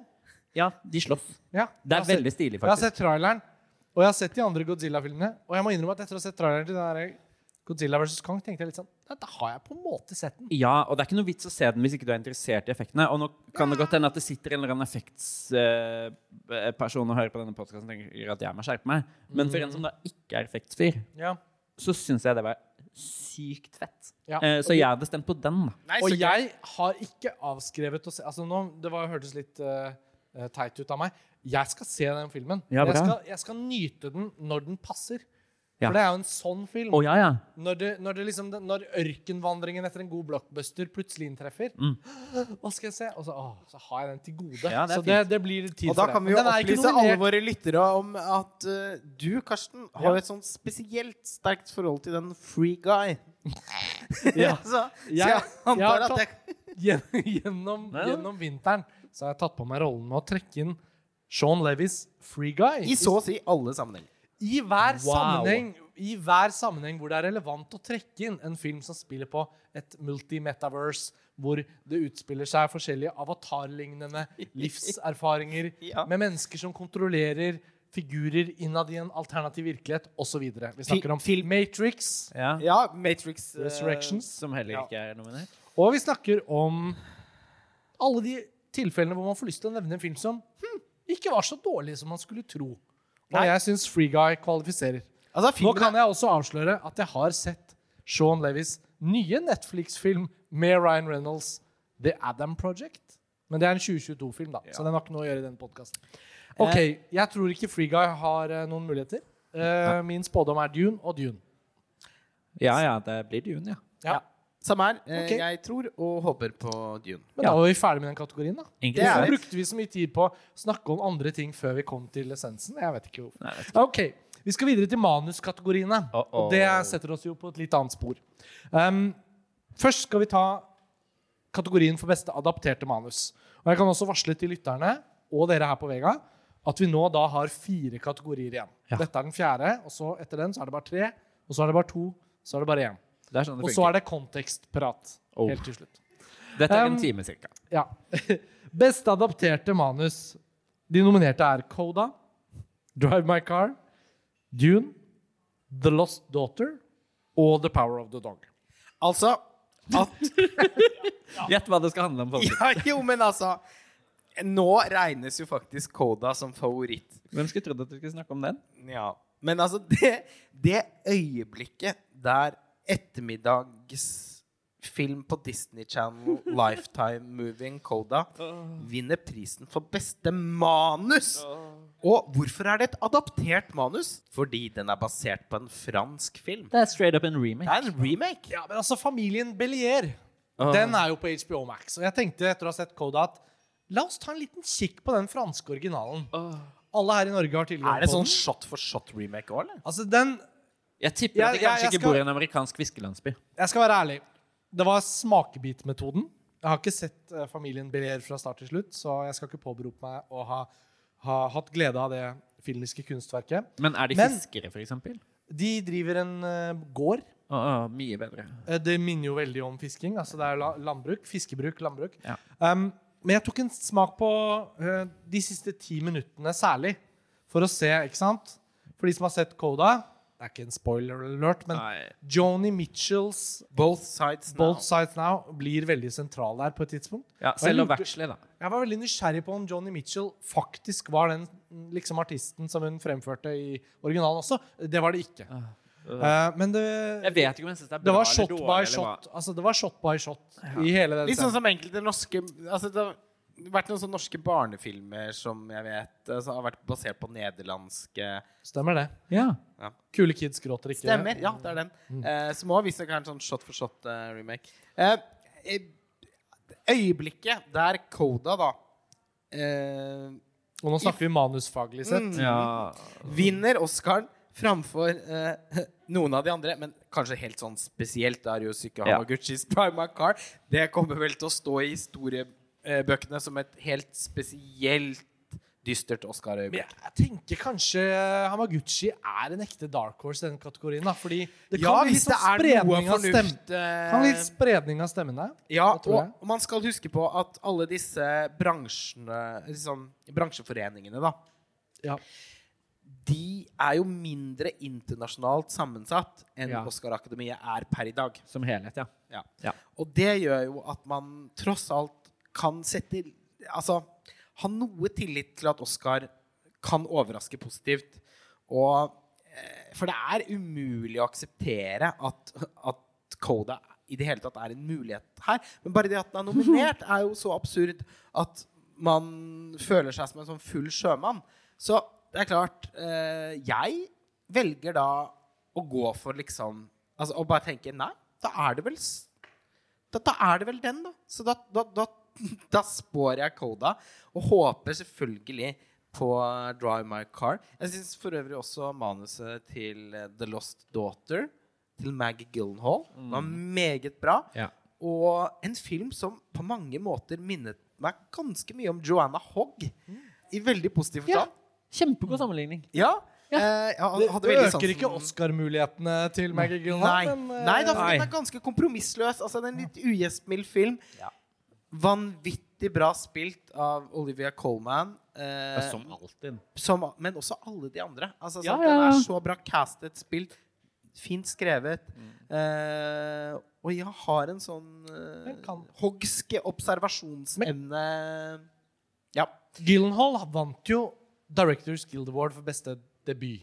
ja da. Og hun og hun vant. har hatt mye medvind. Hun Ja. vant USC Scriptor Award for manuset, Og som var en ganske stor overraskelse, hvordan gikk det på BAFTA? Nei, det ble jo Coda, da. så Ja, det ble Coda, den. ja.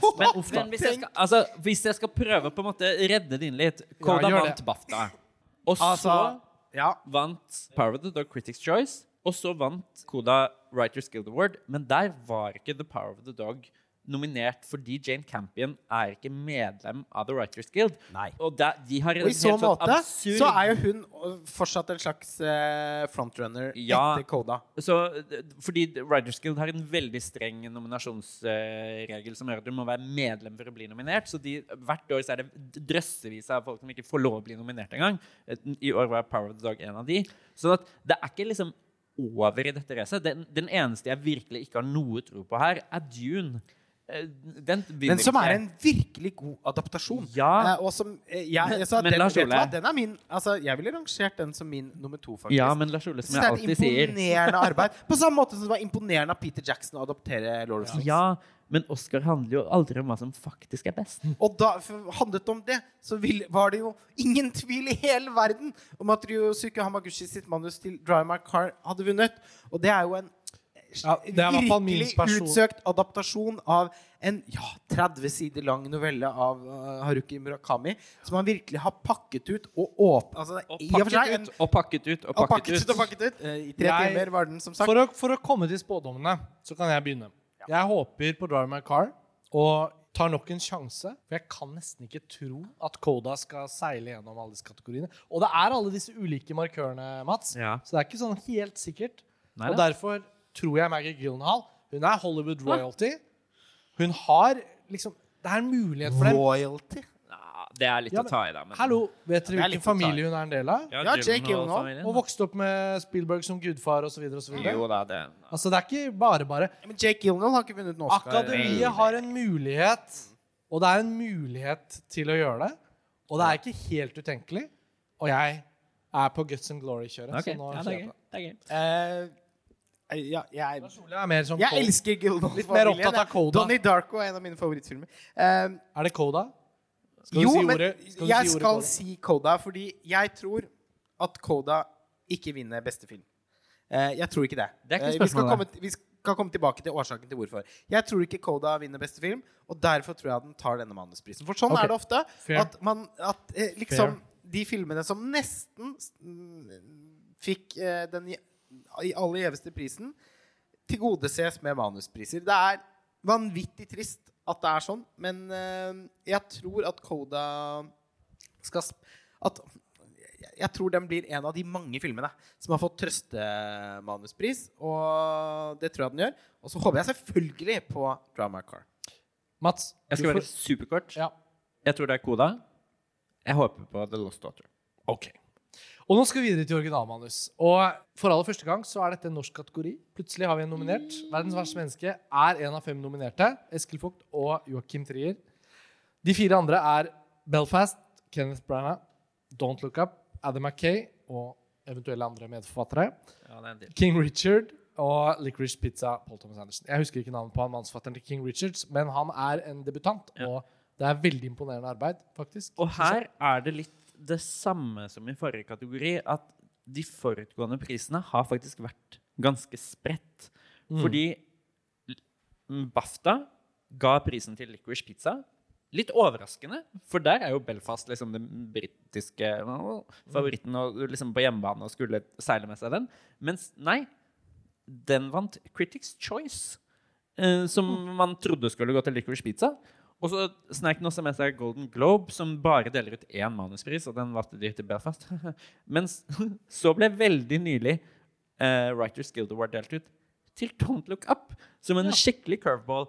Ja. Så det var det Jeg har lenge tenkt at den boosten som verdens verste menneske har hatt i uh, Amerika. i Amerika de siste par månedene, egentlig har gjort den til en litt sånn runner-up i denne kategorien.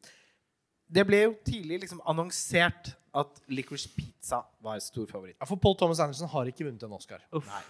Det er jo en tragedie. Ja. Allerede er det litt sånn en mulighet til å gi han en Bare gjør det nå. Ja, Det ja. et Og det ville vært fortjent. Det er et bevis på akademiets På dårlige dårlige smak.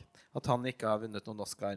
På en måte. Så ja, jo. Eh, På feil og så er det- er det vel nokså få som tenker at Licorice Pizza er hans aller beste film. Mm. Men det er i hvert fall eh, kommer sannsynligvis til å bli stående som en av de beste filmene fra det siste året. Det blir jo igjen Oh, en sånn 2022-film for oss, da.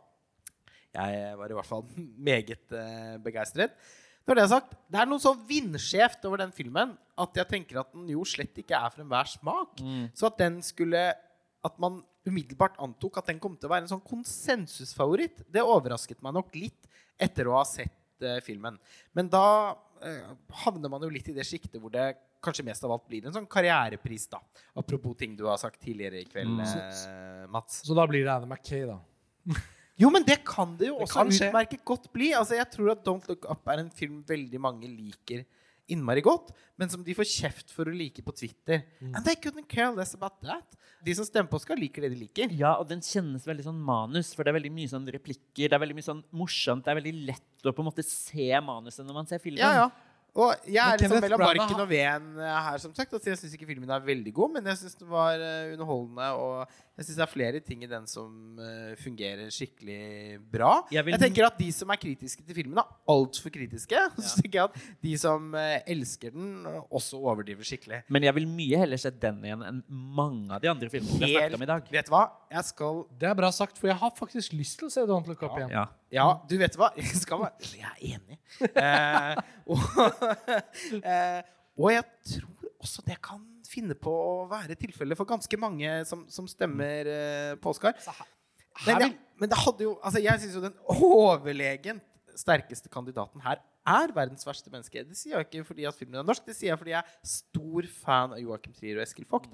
Eh, og tenker veldig, at dette er noe av det beste de har gjort. da Det er en veldig vakker tekst. Ja. Altså, tenk på alt de gjør i det løpet av det Altså, det er en film som jeg jevnlig siterer uh, fra. Bare det Allerede som- i dag. Mm. Bare det er en sjelden kvalitet. Det er, handler jo selvfølgelig om at den filmen har blitt så liksom så kulturelt viktig eh, for, oss. Vi har sett den så mange ganger, og den dukker opp i alle samtaler blant filminteresserte fortsatt. Men dette er jo en sterk kategori. Det er bare én ræva film her. Det er Ja. Belfast. Det er bare for det er helt utrolig Alle de fire andre kan Strengt tatt, jeg er også enig i at Don't Look Up hvis den vinner. Det er ikke liksom katastrofe. Nei, nei, nei, nei, I det nei. minste Nei. så ville Adam McKay fått en pris. Belfast, det er år null. Ja, det er Eh, det er det er, Det er The Troubles. Det er en så komplett Altså, den er så uten kompetanse, den filmen. Og jeg sa jo, eh, Mats, i den podcasten vi laget i, i forbindelse med nominasjonene, Ja. at Kenneth Branagh er en dårlig regissør. Det har han bevist i film etter film. Ja. Og det Ja. er vanskelig å se for seg at han plutselig, i en alder av hvor mange og 60, skal ha blitt rammet av et vanvittig talent som har gjort ham i stand til å lage en film som er verdig syv Oscar-nominasjoner. Det var naturligvis ikke tilfellet. Og manuset i Belfast, det, Ja, det er svakt. det er direkte svakt. Jeg, jeg syns det er hyggelig med Kenneth Branagh som skuespiller i Christopher Nolan-filmer. jeg. Ja, han- altså Han står litt ute på bryggen der i Dunkirk Dunkirk, og så er han jo Vladimir Putin, basically, i Og, Tenet. og Tenet og litt Han er det verste i alle Nolan-filmene. nei, han er verre som regissør enn som skuespiller. Ja, men jeg syns han er det verste i alle Nolan-filmene. Å, ja, sånn, ja. Det er Ja. bare ille med Kenneth Branagh. Ja, nei, ja. Jeg syns at Kenneth Branagh kan være morsom som skuespiller. Ja, men det, det- altså det eneste jeg syns er bra med Kenneth Branagh, det er at han har den der morsomme rekorden med at han har vært nominert i syv ulike Oscar-kategorier. Ja.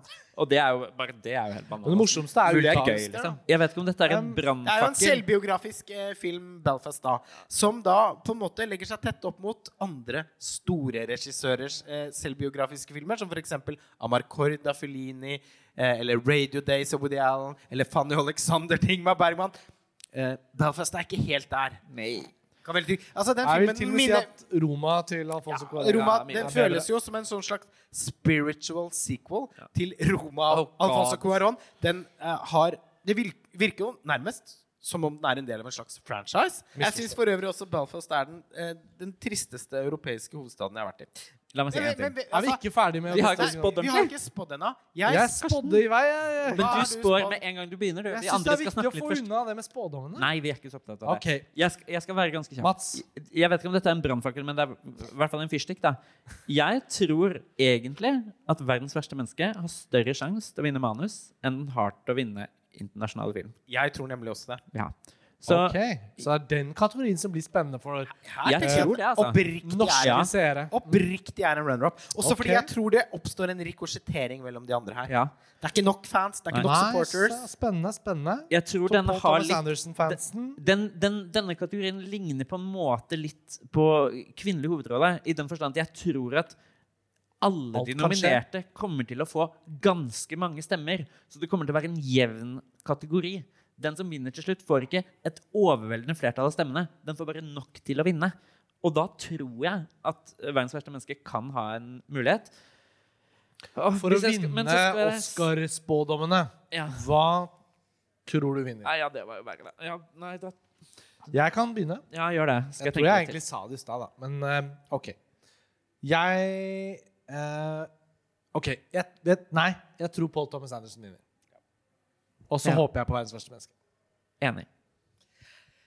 Jeg er nok også enig i det. Jeg, altså, selv om jeg, jeg liker å på en måte tenke at ja, offisielt nå regnes Belfast som favoritt. Eh, men nei da. Jeg, jeg, jeg tror ikke det er helt reelt. Jeg tror Licorice Pizza vinner, og håper på verdens verste menneske. Og kommer til å juble selvfølgelig over at Paul Thomas Anderson får en Oscar. Det, det er også verdig for for uh, Joakim og Eskil og co. å kunne ta på Paul Thomas Anderson. Det er det. en ære. Kenneth Branagh. Jeg skulle, skulle likt å vært flua på veggen eh, med de sånn Du skal det når Men du sitter i LA. jeg sa jo ordet Det må jo skje noe Det har jeg alltid tenkt på. Sånn hvor spennende det hadde vært å vært liksom behind the scenes på Oscar-festen etterpå. Om da, folk, da må jo folk baksnakke masse. Ja, men Eddie Murphy stormet vel ut da han tapte for Dreamgirls. Dream Ja. Men det var ikke engang på festen, det var jo på selve Ja, ja, ja. utdelingen. Rett ut av Altså, salen. Spike Lee da Green Book vant! Ja, Oi, Gikk oi, opp og ned. Ja, det Eh, var, han satt tonen for den eh, Men- festen, i hvert fall. men skal vi komme oss til hovedkategoriene? Ja. Vi Skal det. det. Det. Eh, Neste, neste og nest siste, det er da beste regi. yes. Og de nominerte er Lars Ole. Kenneth Branagh for Belfast, tro det eller ei. Ryusuke Hamaguchi for Drive My Car. Paul Thomas Anderson for Licorice Pizza. Jane Campion for The Power of the Dog. Og Steven Spielberg for West Side Story. Mats. Ja. Hvor starter vi her? Vi starter med at eh, det, det finnes vel ikke et scenario her hvor ikke Jane Campion vinner. Det er kveldens sikreste pris. Jeg skulle til å si Dette er den kjedeligste kategorien Det å er diskutere ut fra spådom. Ja. Fordi alt peker mot at Jane Campion vinner for The Power of the Dog. Hun har vunnet alt. Det er ikke det dårligste med Power of the Dog. Hva hun Nei, nei, har nei, gjort altså, som og, og Jane Campion er en filmskaper som Og hun har vært eh, nominert tidligere for The Piano. Som jeg jevnt over er veldig begeistret for. Ja. Eh, men eh, jeg syns ikke dette er en av hennes beste filmer, dessverre. Enig. Jeg opplevde ikke at den gikk helt av som en bombe i Venezia, der den hadde premiere. Nei, den gikk av som en slags sånn, sånn vindkast over prærien. Ja. Jo, Litt men sånn- altså det, det var Dune og Parallelle mødre og Spencer. Spencer som alle snakket om i Venezia. Der og Det- da hadde jeg trodd at Pablo Larrain Ja, ja. helt garantert kom til å bli nominert for beste regi for Spencer. Det er klart. En film som da bare nå er nominert. Og at Claire Manton, uh, fotografen til Celine Siamma, endelig skulle få en fotonominasjon. Det var mange drømmer som ble satt i spill der. Som ja. så Den skulle hatt så mange nominasjoner. eh, ble alt sloknet. Ja. For på et eller annet tidspunkt så ble det rett og slett litt sånn bestemt, følte jeg, at Power of the Dog er favoritt i nesten alle kategorier. Ja, og Jane det. Campion skal vinne Oscar. For Men den det skal sies at hun er jo den eneste som har klart å holde på det favorittstempelet. Absolutt. Den var jo favoritt Hun mange steder. Ja, ja. Den overpresterte på nominasjoner og fikk tolv. Ja. Og så har det bare sakte, men sikkert fislet ut. Men hun har tviholdt på den Oscaren. Og Ja. noe annet enn at de roper opp Jane Campion som regivinner, vil være så overraskende at jeg da kommer Det vil regnes som en stor mitt, altså. overraskelse. Ja. Jeg syns jo Steven Spielberg for West Side Story, Ryusuke Hamaguchi for Drama Car og Paul Thomas Anderson til og med for Licorice Pizza er helt overlegne. Ja. Selv om jeg som sagt ikke nødvendigvis tenker at det er Paul Thomas Andersons aller beste film. Men jeg syns Nei, likevel men den er på det, er, Altså- det, det, er en høy Ikke sant? sol å Jeg- klatre, holdt jeg på å si. Ja, å herregud. West Side Story er vel ikke Spielbergs aller beste film. Nei, nei, nei, nei, sånn- Men altså, de tre filmene der da er de som for meg er på et sånn voldsomt høyt nivå. Uh, og så er jo Belfast eh, Det er jo bare en dårlig spøk at den er nominert. Ja. Og så har jeg respekt for uh, Jane Campion sitt arbeid i The Power of the Dog. Men det er på ingen måte den filmen jeg heier på, selv om det bare er liksom allerede avgjort at den kommer til å vinne prisen. Ja. Og jeg syns det er flott at Jane Campion vinner en Oscar. Ja, det syns jeg er Eh, skikkelig Det Ja. kommer jeg til å ha glede av. Har allerede en Oscar, da. For et manus. For beste originalmanus, ja. For piano. The Piano. Ja. Men hun har også en gullpalme. Ja. Og hun vil jo da være den mest meritterte kvinnelige Ja, regissøren. det er greit. Hvis ikke vi begynner å trekke inn gullbjørner og, og gulløver og sånn, for da blir liksom bildet litt mer komplisert, selvfølgelig. Ja. Men eh, det må vel sies da Jane Campion, som jo var varslet, ikke sant? Hun var jo den store kvinnelige regissørstjernen på dette eh, liksom mainstream-nivået da, Ja. tidlig på 90-tallet med Ja, ja. The Piano. Og den gang sto jo også striden mellom henne og Steven Spielberg. Ja, det er det som og er det er jo en sånn eh, mytologi som er blitt trukket frem igjen. Og- og Han vant for Schindlers liste. da. Ja, fordi jeg syns jo piano er eh, et, altså, et mesterverk, altså. Og, Ja, og, og min film. favorittfilm av Jane Campion. Samme. Og det var likevel ikke mulig at, at, at den kunne vinne over Schindlers liste til Steven Spielberg. Eh, men det var jo et vanvittig sterkt Oscar-år. Og det at hun vant manusprisen for den, har jo liksom Det, det er fortsatt på en måte Ja, ja, altså Jeg er veldig glad for at piano vant noe. Fordi det gjør jo også at denne prisen til The Power of the Dog tross alt ikke blir en sånn eh, Nå skal du få, må du få Ja. Oscar-pris. Ja, ja, ja. Karrierepris. Det er genuint. Det er Ja, mange som, og- som har den som favoritt. Og hun har vunnet alle regiprisene Ja, ja, ja. på veien fram hit. Så det er en veldig sånn solid støtte rundt at alle liker den personen. De liker henne, de liker regien der. Så det er på ingen måte Det fremstår på ingen måte som en sånn trøstepris til henne. Nei, Og det er jo deilig, da. Så spådommen fra oss alle tre er at vi tror Jane Campion vinner. Ja. Jeg, ut av ren sånn realness, håper jo da egentlig at Steven Spielberg vinner. For jeg syns han er den beste regissøren av de fem, Så klart. med disse fem filmene. Uh, Bats, ja, det blir helt åpenbart Jane Campion. Og så hvem håper du? Hvem er din Nei, favoritt av de fem regissørene? jeg har jo et hjerte for den eh, lakrispizzaen, da. Ja! Ja. Hallo! Nå føler jeg. Siden jeg Ja. spådde han på manus, så lot jeg han være nå uh, til regimen. Og jeg spår han ikke. Men det er- Nei, det er ikke så vits å spå noe nei, nei, nei, men jeg liker West Side Story bedre enn Licorice Pizza. Så. Jeg hadde kost meg gløgg hvis det var han de ropte. Jeg tror Jane Campion vinner, som sagt. Håper på Altså, ikke håper på, men eh, jeg skulle ønske Steven Spielberg, så klart. En levende legende som, eh, som er Altså- i imponerende storform. Så lenge det ikke er Sean Heder for Koda, si.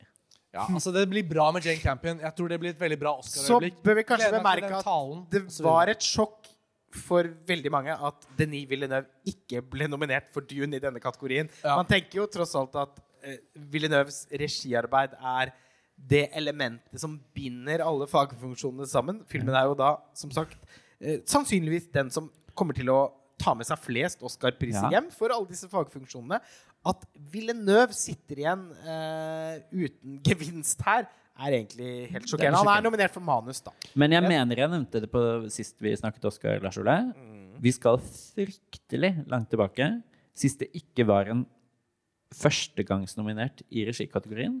Og de slo til, altså. I den podkasten så spådde jo jeg at Hamaguchi kom til å få nominasjon. Ja da, men ikke Men på bekostning av Villeneuve, nei. Jeg klarte ikke å tro på Belfast. Nei, nei. Jeg bare sa det at Ja, han det kan, var- de kan ikke nominere Det var, ingen, det var ingen som hadde trodd det. Det var flere som trodde Anderson skulle ryke ut uh, der, altså. Men det ble i hvert fall en førstegangsnominert. Og til alle dere her på Vegas scene og dere som hører på. Tro det eller ei, men nå er vi da kommet til den siste kategorien. Wow! Jeg er nesten litt leit. Jeg føler vi akkurat har kommet i gang. Um, Vi men vi skal nå... Litt sånn som Dune, når den, ja. den tar ja, dette er litt som opplevelsen av å se Dune Part 1. Hæ, er det ikke nå det begynner? Nei. Det er nå det tar slutt, og vi skal snakke oss gjennom da hovedkategorien, Ja. som også deles ut til slutt. Det var jo ikke tilfellet på fjorårets litt Nei. radikale Oscarsending ah, i regi av Steven Soderberg, da alt var lagt til rette for at da den postume Oscaren til godeste Chadwick Boseman. Ja, Chadwick Boseman. Det ble jo ikke det. Det ble Anthony Hopkins for The Father. Selvfølgelig, fordi Og et år senere så er jo alle enige om at det var den beste. Så, Ja. Anyway.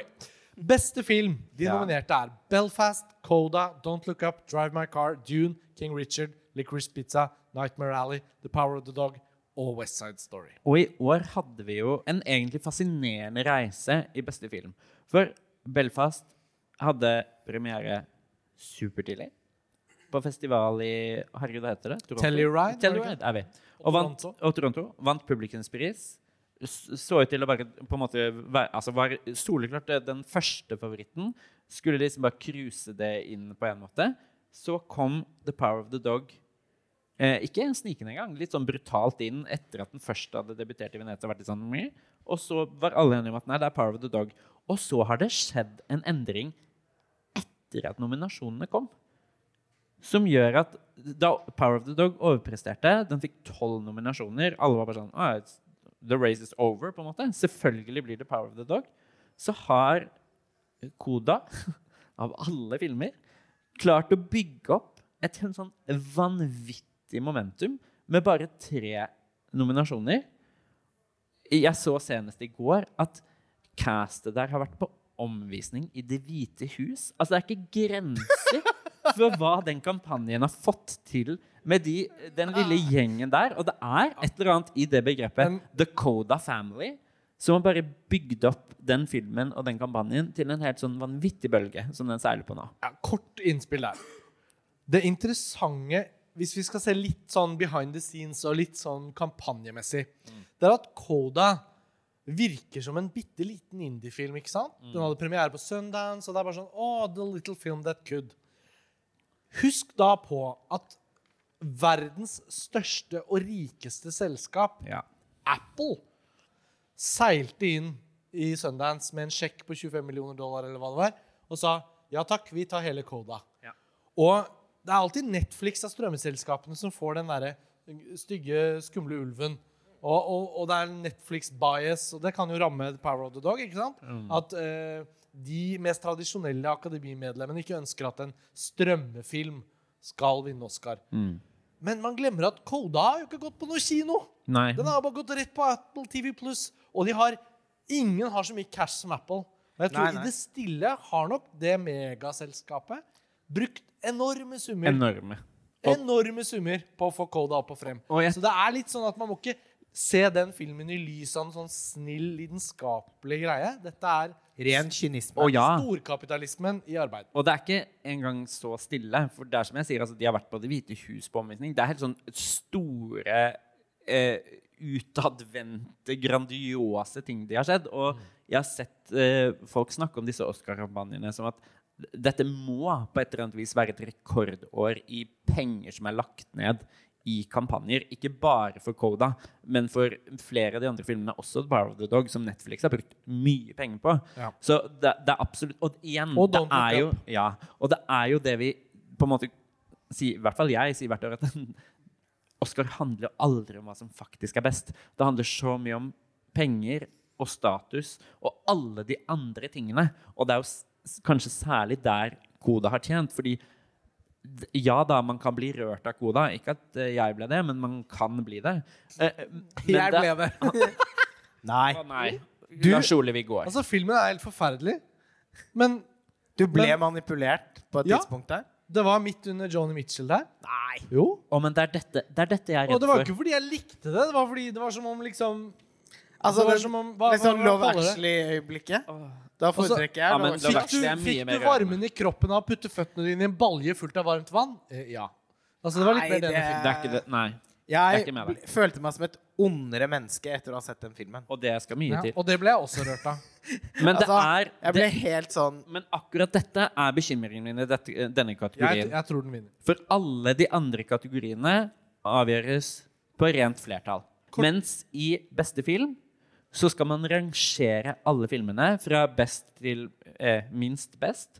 Fordi dette er jo de ti beste, så alle er gode. eh, og så fjerner man sakte, men sikkert den filmen som ligger dårligst an, Ja. og gjenfordeler stemmene helt til én film har fått halvparten av stemmene eller Og mer. dette er ganske viktig, ikke sant? Veldig. Fordi resultatet av dette er at det er ikke nødvendigvis de filmene folk brenner mest for, som vinner. Nei. Det er gjennomsnittsfilmen. Og dette har jo resultert i vinnere som Argo, Spotlight og Green Book. Ja. Så du kan rett og slett Hvis du er nummer to på alle stemmesedlene, ja, da vinner du, altså.